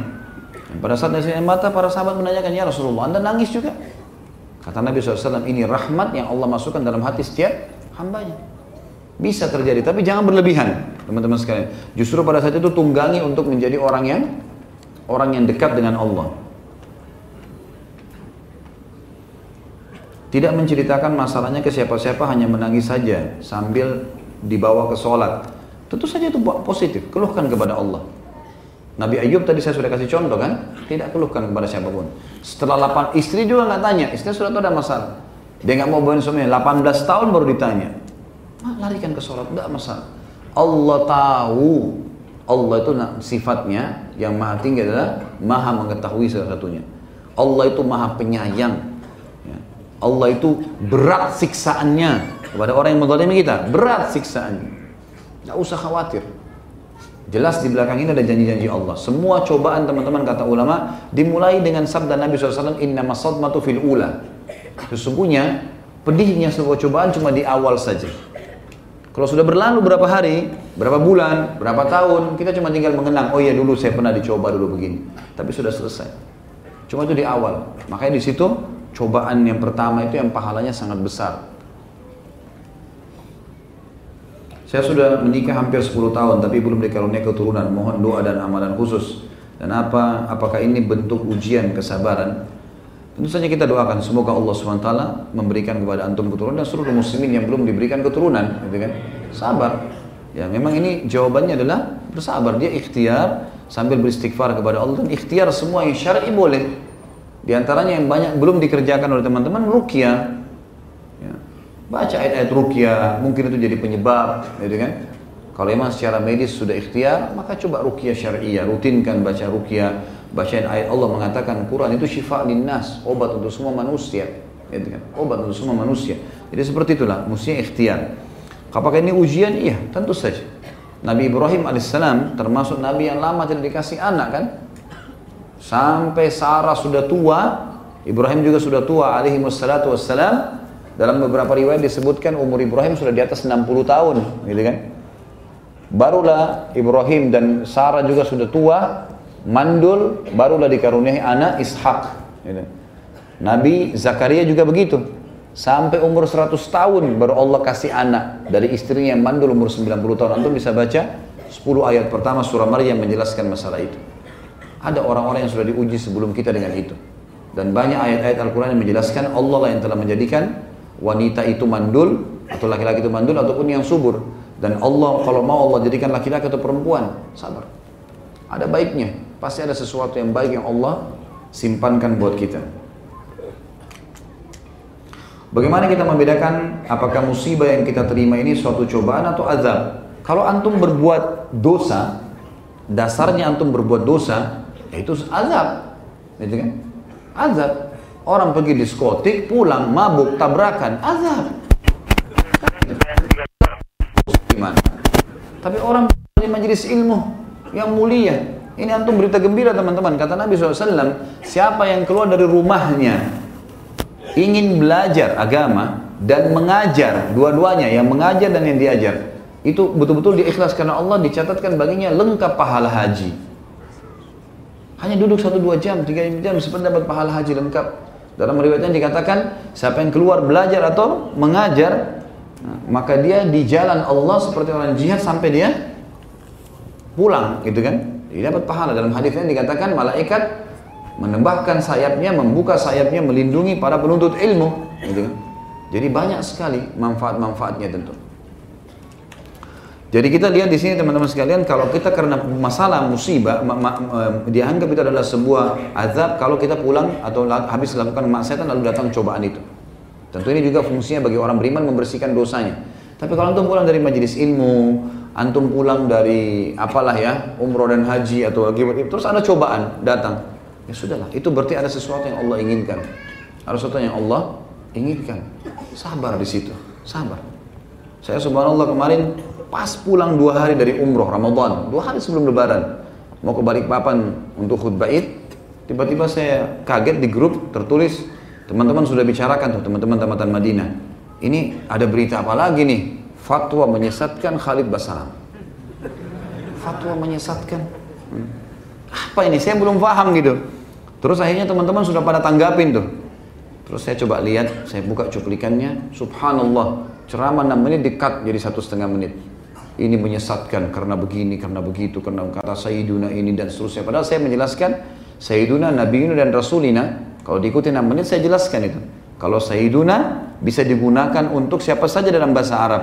Seperti ruangan ini ada masuk namanya Yusuf, kita bilang Sayyid Yusuf masuk, bisa dipakai. Gitu kan? Tapi kalau Nabiu dan Rasulina, itu dipakai untuk satu orang, untuk baginda Nabi SAW, tidak bisa orang lain. Maka kalau ketemu antara ini sama ini, kita dahulukan ini, ini ditinggalkan gitu kan? Kita kalau syahadat bilang apa? Asyhadu an la ilaha illallah wa anna Muhammad Rasulullah. Enggak ada kata sayyiduna kan? Nah, begitu juga dengan kalau orang lagi membaca hadis Nabi SAW an Abi Hurairah anhu anin Nabi SAW enggak ada an sayyiduna nabiyuna jadi Nabi sudah jadi pengganti di situ. Ini saya jelaskan. Tapi bukan tidak boleh mengucapkan kata sayyiduna. Maulana kalimat yang boleh buat Nabi SAW asal jangan melampaui batas seperti kata Nabi SAW Jangan kalian memuji e, memujiku melampaui batas seperti e, Nasara memuji Isa putra Maryam. Tadinya Nasrullah, tadinya Nabiullah terus tiba-tiba menjadi anak Allah. Kan gitu. Tapi katakan aku adalah hamba Allah dan Rasulnya. Abdullah wa Rasuluh. Itu ucapannya, gitu kan. Banyak orang sibuk dengan mengambil potongan-potongan ceramah seperti lalu dijadikan sebagai fitnah baru. Itu menjelang subhanallah, saya baru balik umrah. Saya langsung berpikir, oh Mungkin ini cobaan, sesuatu yang datang, Allah ingin sesuatu yang baik. Udah, saya ngobrol sama beberapa teman-teman yang memang membantu saya dalam masalah tim, kemudian kita coba upload kembali meluruskan ikhtiar kita adalah seperti itu, sampaikan apa ada. Alhamdulillah responnya malah lebih bagus dan Allah Subhanahu wa taala menunjukkan siapa orang itu dan semoga Allah kasih hidayah. Tetap saja kita disuruh untuk memaafkan sudah. Semoga Allah kasih hidayah. Gitu kan. Sabar. Bukan berarti saya harus berhenti dakwah gara-gara itu. Kalau target dia karena mau berhenti dakwah itu kekonyolan kalau saya berhenti, gitu kan. Malah harus sabar, jalanin, perjuangkan sampai meninggal dunia. Yang penting adalah kebenaran dan kebaikan. Bagaimana agar kita bisa selalu sabar, tahapan proses belajarnya dan bagaimana marah yang dibolehkan dalam Islam. Hampir sama semua ya. Jadi kalau bagaimana supaya kita bisa sabar, peran pertama baca fadilah sabar. Tadi yang kita bacain semua itu, itu fadilah namanya. Dengan kita tahu ada janji Allah dalam ayat tadi tentang masalah janji surga, pahalanya dilipat gandakan segala macam. Dan ini masih banyak teman-teman hadisnya ya. Saya tidak nukil semua. Kalau antum ketik di Google mungkin tentang fadilah sabar akan keluar semua banyak. Atau antum baca buku Riyadus Solihin tentang bab sabar banyak sekali hadis. Ya, mungkin saya tidak sebutkan semua tadi. Jadi poin-poin besarnya. Baca fadilahnya dulu. Kita kalau ingin mengerjakan satu perbuatan ibadah, supaya rajin misalnya sholat malam. Sebelum tidur baca fadilah sholat malam, kita akan rajin bangun sholat malam. Mau sodaka, baca fadilah sodaka. Mau haji umrah, baca fadilah haji dan umrah. Kita akan semangat. Jihad, baca fadilah jihad. Kita akan semangat tuh. Gitu. Jadi itu dulu yang pertama. Yang kedua teman-teman sekalian, uh, fahamin itu. Renungin dan amalkan. Jadi kalau sedang terjadi masalah, memang dipakai ilmunya. Jangan nanti begitu ada masalah lalu kita lupakan apa yang sudah kita baca. Praktekin ilmunya. Kemudian yang ketiga, jangan konsultasi dalam setiap masalah kecuali pada ahlinya saja, yaitu para ulama dan dai. Jangan cerita sama teman-teman. Berapa banyak rumah tangga rusak karena cerita sama temannya. Bahkan saya selalu tekankan dalam pelatihan rumah tangga saya teman-teman sekalian, jangan ceritain masalah walaupun sama orang tua kalau perlu. Kecuali orang tua kita bijak, faham agama, kalau enggak, berapa banyak orang tua kita emosional, lalu kemudian menceraikan kita sama pasangan kita. Kesalahan. Kalau orang alim teman-teman kita tanya, Ustadz, Kiai, siapalah yang kita panggil sebagai syekh, ya, tolong saya punya masalah begini, apa solusinya? Pasti panduannya ke agama, gitu kan? Ada hadis Nabi SAW begini, ada begini, sabarlah, berdoalah, sholat malam lah, istikharah lah, an, an, dan seterusnya. Nah kita dipandu ke agama, itu yang paling tepat. Tapi kalau kita komunikasi dengan orang, ingat, bermusyawarah jangan bermusyawarah dengan orang yang bodoh dalam agama. Pertama. Yang kedua, jangan musyawarah dengan orang yang lebih sedikit pengalaman atau belum melaluinya. Banyak orang, dia konsultasi sama temannya, belum nikah, dia tanya masalah pernikahan. Nyambung nggak kira-kira? Ada orang berpoligami, musyawarah sama temannya tidak poligami, nggak bakal nyambung. Harus dengan orang yang sudah praktisinya, nggak bisa. Ada orang yang sudah tanya orang tentang haji, orang itu belum pernah haji. Tidak ada pengalaman sama sekali. Dengan orang yang sudah pulang, punya pengalaman, punya ilmu, beda. Beda semuanya. Maka jangan musyawarah dengan orang yang tidak punya ilmu atau kurang pengalaman. Ini nggak bisa. Ini harus teman-teman. Dan jangan ceritakan kepada sembarang orang, apalagi orang awam umum orang, teman. Ada orang subhanallah lewat satu kampung tahu kalau ini masalahnya apa. Karena semua orang sudah dicerita sama dia, sudah tahu nggak istri saya begini, begini, begini. Semua orang tahu. Suami saya begini, begini. Satu orang, semua orang tahu masalahnya. Jadilah hamba Allah teman-teman yang jalan di muka bumi orang tidak tahu tentang antum sama sekali. Baik, antum jalan ya. Penting antum dalam keadaan baik, sabar dalam masalah-masalah. Kecuali memang ahlinya. Bagaimana kita mendapatkan jodoh yang terbaik? Sabar yang seperti apa uh, untuk mendapatkan yang terbaik? Tadi ada pertanyaan juga di sini ya marah yang seperti apa yang diperbolehkan. Marah kalau melanggar hukum Allah dan kita kita boleh tegas. Ini nggak boleh loh, ini larang, haram loh. Nggak boleh. Istrinya keluar rumah, kembali, haram. Kamu harus kembali, tegas, itu boleh. Ya, yang tidak boleh kasar. Kasar itu matanya melotot, kata-katanya luar biasa, mungkin semua kebun binatang keluar. Ya. Itu nggak boleh. Dan kita lihat kalau seandainya dalam agama begini, terutama ini banyak masalah rumah tangga ya Rumah tangga itu kalau mau tentram teman-teman jangan menginapkan masalah. Selain konsultasi sama orang lain tadi, jangan konsultasi kecuali pada ahlinya, ulama, dan jangan menginapkan masalah. Clearkan. Yang salah minta maaf, yang benar memaafkan. Udah, jangan nginapin. Karena kalau sudah nginap, apalagi keluar rumah, ini udah luar biasa. Di dalam rumah ada 10 setan, di luar ada 7 ribu setan. Gitu kan. Mana tambah rumit tambah rumit. Saya tahu ada orang sampai ayahnya akhirnya terlibat dalam bagi ke anak perempuan ini sampai ter, perceraian terjadi, baru dia nyesal. Karena saya pada masalah selalu ayahnya, ayah begini, ayah begini, suami saya begini. Padahal sebenarnya dia suka sama suaminya. Akhirnya ayahnya kena sering dikeluhkan, keluh kesahkan, begitu anaknya pulang dia bilang kamu nggak boleh kembali lagi. Udah, kamu sudah masalah. Tapi suami saya begini nggak bisa. Kau kan sudah sering ngeluh. Suamimu begini, begini, begini. Akhirnya dia nyesal sendiri. Tapi terjadi perceraian. Diceraikan dengan cara paksa. Didatangkan wali, datangkan bukti-bukti memang ada. Kalau laki-laki dia pernah begini, pernah begini, pernah begitu, akhirnya terceraikan. Tapi penyesalan terjadi pada orang ini karena salah ya. Kalau kita mendapatkan jodoh yang terbaik, semua kembali ke agama. Agama yang didahulukan, dan itulah orang yang terbaik. Kata Nabi SAW bagi kaum wanita, dan walinya, ayahnya, kalau datang kepada kalian yang kalian ridhoi, akhlaknya dan agamanya, terima lamarannya. Kalau tidak terjadi kerusakan di muka bumi. Jadi bukan kekayaan, bukan titel pendidikan dan seterusnya, gitu kan? Bagi laki-laki juga begitu. Wanita dinikahi karena hartanya, kecantikannya, keturunannya dan agamanya. Dan dahulukan agamanya, hidupmu akan tentram. Jadi memang agama. Ya, yang sudah sudah tidak disuruh lagi sholat, tidak disuruh lagi tutup aurat, memang sudah aman semuanya. Minta sama Allah, sujud, ya biasakan minta kepada Allah SWT akan diberikan. Apakah sabar ada batasnya? Tentu saja pada kalau memang orang sudah sama sekali tidak bisa tahan dan dia mau gitu kan kata Nabi SAW begini kalau kalian janganlah kalian berharap kematian. Kalau lagi sakit parah sekali atau masalah lagi berat. Kata Nabi SAW, jangan kalian harapkan kematian. Tapi kalau kalian betul-betul sudah tidak tahan, kata Nabi ucapkanlah, Ya Allah kalau kehidupan lebih baik buat saya, lanjutkan. Kalau kehidupan kalau kehidupan buruk buat saya, wafatkan. Nabi SAW ajarkan caranya. Kalau betul-betul orang itu sudah merasa tidak sabar. Tapi kalau insya Allah dia bisa sabar, ya Alhamdulillah. Itu jauh lebih baik gitu. Kalau sampai mati kita nggak bisa bayar utang, padahal kita sudah berusaha, itu bagaimana Ustaz? Tentu saja yang paling pertama teman-teman, jangan utang kecuali darurat, itu dulu. Jangan buka pintu utang. Ada orang subhanallah dari utang ke utang, ini nggak boleh. Membuka utang secara sengaja bisa masuk dalam bab dosa loh ya. Karena membayarnya wajib, gitu kan? Apalagi kalau menunda. Kata Nabi SAW, matlul ghani zulmun. Eh, penundaan terhadap pembayaran bagi orang yang mampu adalah zulm, kezaliman, dosa besar. Nggak boleh. Jadi ulama masukkan kalau utang tanpa sebab dia mampu, maka ini kezaliman, nggak boleh. Kenapa dia buka masalah hidupnya di situ? Kalau dia mati, kan jadi masalah. Gitu kan? Sampai orang mati syahid aja, diampuni semua kecuali utangnya. Nggak boleh. Ada pernah sahabat meninggal masih punya utang dengan orang Yahudi. Maka temannya mimpi kalau di lehernya ada e, lingkaran warna hitam. Lalu waktu ditanya kenapa tuh dia bilang ini utang saya sama orang Yahudi yang belum saya bayar.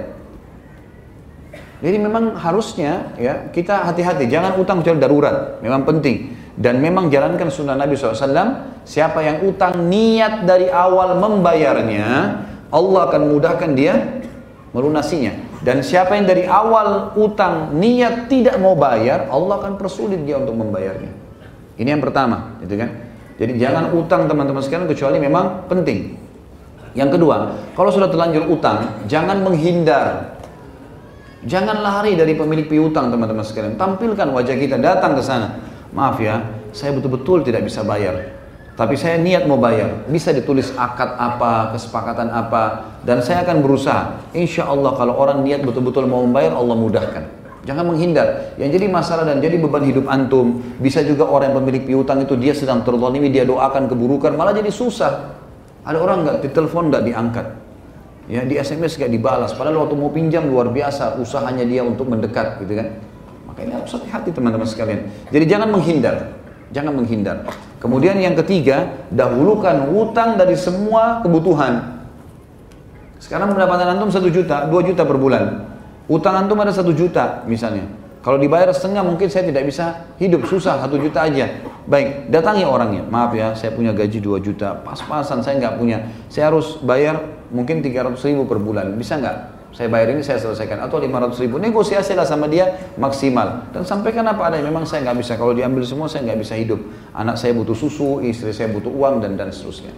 Maka insya Allah dengan cara ini, mudah-mudahan bisa tertanggulangi masalah utang itu. Kalau sampai meninggal pun tidak bisa bayar, maka tentu di, dianjurkan untuk mewasiatkan ya, mewasiatkan. Dan bagi teman-teman yang punya piutang, dengarkan hadisnya yang punya piutang, yang mengutangkan orang. Kata Nabi SAW, ya, uh, siapa yang uh, mengeluarkan atau memudahkan urusan seorang muslim dunia, Allah akan mudahkan urusannya pada hari kiamat. Atau siapa yang memudahkan seseorang muslim keluar dari masalahnya di dunia, maka Allah akan keluarkan dia dari masalah-masalah di akhirat. Kata ulama adalah termasuk adalah utang. Termasuk dalamnya adalah utang. Termasuk dalamnya adalah utang. Kalau dia meninggal juga tidak, maka tulis wasiat ya teman-teman sekalian. Tulis wasiat. Kata Nabi SAW dalam hadis, siapa pun yang terlintas di benaknya tiga hari sesuatu yang dia khawatirkan membahayakan dia di akhirat, maka semestinya dia menulisnya. Tulis saya punya utang sama si fulan. Kalau saya meninggal tidak sempat bayar, tolong ada kerabat saya menyelesaikannya gitu. Saya mewasiatkan ini, mewasiatkan itu, kita wasiatkan. Apakah baik mendoakan yang tidak baik bagi orang yang telah menyakiti kita? Tentu saja kalau dikatakan baik, jawabannya tidak baik. Tapi boleh atau tidak boleh. Orang yang terzalimi boleh mendoakan keburukan bagi orang yang menzaliminya. Makanya kata Nabi SAW, dan kepada Muadz bin Jabal waktu ke Yaman, kau akan dakwahi ahli kitab dan, dan seterusnya diperintahkan untuk mendakwahi rukun Islam dan rukun iman. Lalu kata Nabi SAW, hati-hati hai Muad, dari harta mereka. Jangan sampai kau sentuh hartanya yang bukan hakmu. Dan hati-hati dari doa orang yang terzalimi. Walaupun mereka kafir, mereka ahli kita, tidak ada hijab antara mereka sama Allah. Sampai ulama mengatakan satu-satunya doa orang kafir diterima cuma pada saat mereka terzalimi. Semua orang terzalimi Allah tolong. Gitu kan? Jadi harus hati-hati teman-teman sekalian di sini masalah ya. Kalau orang menzalimi orang lain. Tapi kalau kita terzalimi lalu kita doakan dia, misal kita doakan supaya Allah hukum, itu hak kita, boleh saja. Tapi kalau antum mau lebih baik, tadi tanya baik atau tidak? Baik adalah antum doakan supaya dapat hidayah. Bisa ada orang utang sama kita nggak bayar, kita katakan ya Allah, mana lebih baik nih teman-teman? Kalau kita bilang gini, ya Allah putuskan kakinya, ya Allah berhentikan detak jantungnya, apalah, ya. jangan diamalin ini ya. Ini saya kasih contoh saja. Mana, mana lebih baik teman-teman daripada ya Allah susahin hidupnya? Mana lebih baik? Kalau Allah kasih misalnya, baik kakinya putus atau dia jantungnya berhenti dia mati, kan selesai. Terbalas dendam kita, baik yang kita dendam tapi tidak dapat apa yang kita inginkan. Mana lebih baik dengan yang satu lagi untuk bilang, Ya Allah berikan hidayah dia, mudahkan dia untuk menyelesaikan utangnya secepat mungkin karena saya membutuhkan Ya Allah. Mana lebih baik? Kalau dia dapat hidayah, dia bayar, selama dia jadi baik setelah itu kena doa, antum antum panen pahalanya. Kan gitu. Lebih baik doakan kebaikan. Saya dan suami telah berkeluarga selama lima tahun. Selama lima tahun pula saya dan mertua tinggal serumah. Banyak hal yang terjadi antara saya, suami dan mertua seperti cekcok, perselisihan. Apa yang harus kami lakukan agar perselisihan yang terjadi tidak menjadi bumerang bagi kami, tidak menjadi dosa bagi kami, karena selama ini mertua memang ikut tinggal bersama kami. Tentu saja kalau bisa pisah rumah lebih baik ya, kalau bisa pisah rumah. Kalau nggak bisa ya sabar. Sabar, ada orang dicoba di macam-macam. Ini lagi dicoba sama mertua. Jadi kita kalau menikah sama seseorang, maka kita tidak bisa putuskan jalur nasabnya dia mertua kita itu tetap orang tua pasangan kita sampai abadi. Kan itu. Sampai kata Nabi SAW, kalian akan dipanggil dengan nama-nama kalian dan nama-nama ayah kalian pada hari kiamat. Gitu kan. Gak terputus itu. Tadi dikatakan orang kalau masuk surga, kalau dia soleh, dia sabar, dia, orang tuanya dan kerabatnya juga akan ikut. Gitu kan. Jadi gak terputus semua itu. Maka kita harusnya bisa bersabar. Kalau ada sesuatu, sesuatu yang kita harus sampaikan, teruskan sampaikan apa adanya. Tetap ngotot ya sudah, sabarin aja.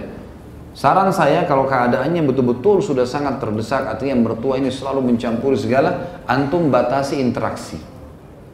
Pada saat perlu.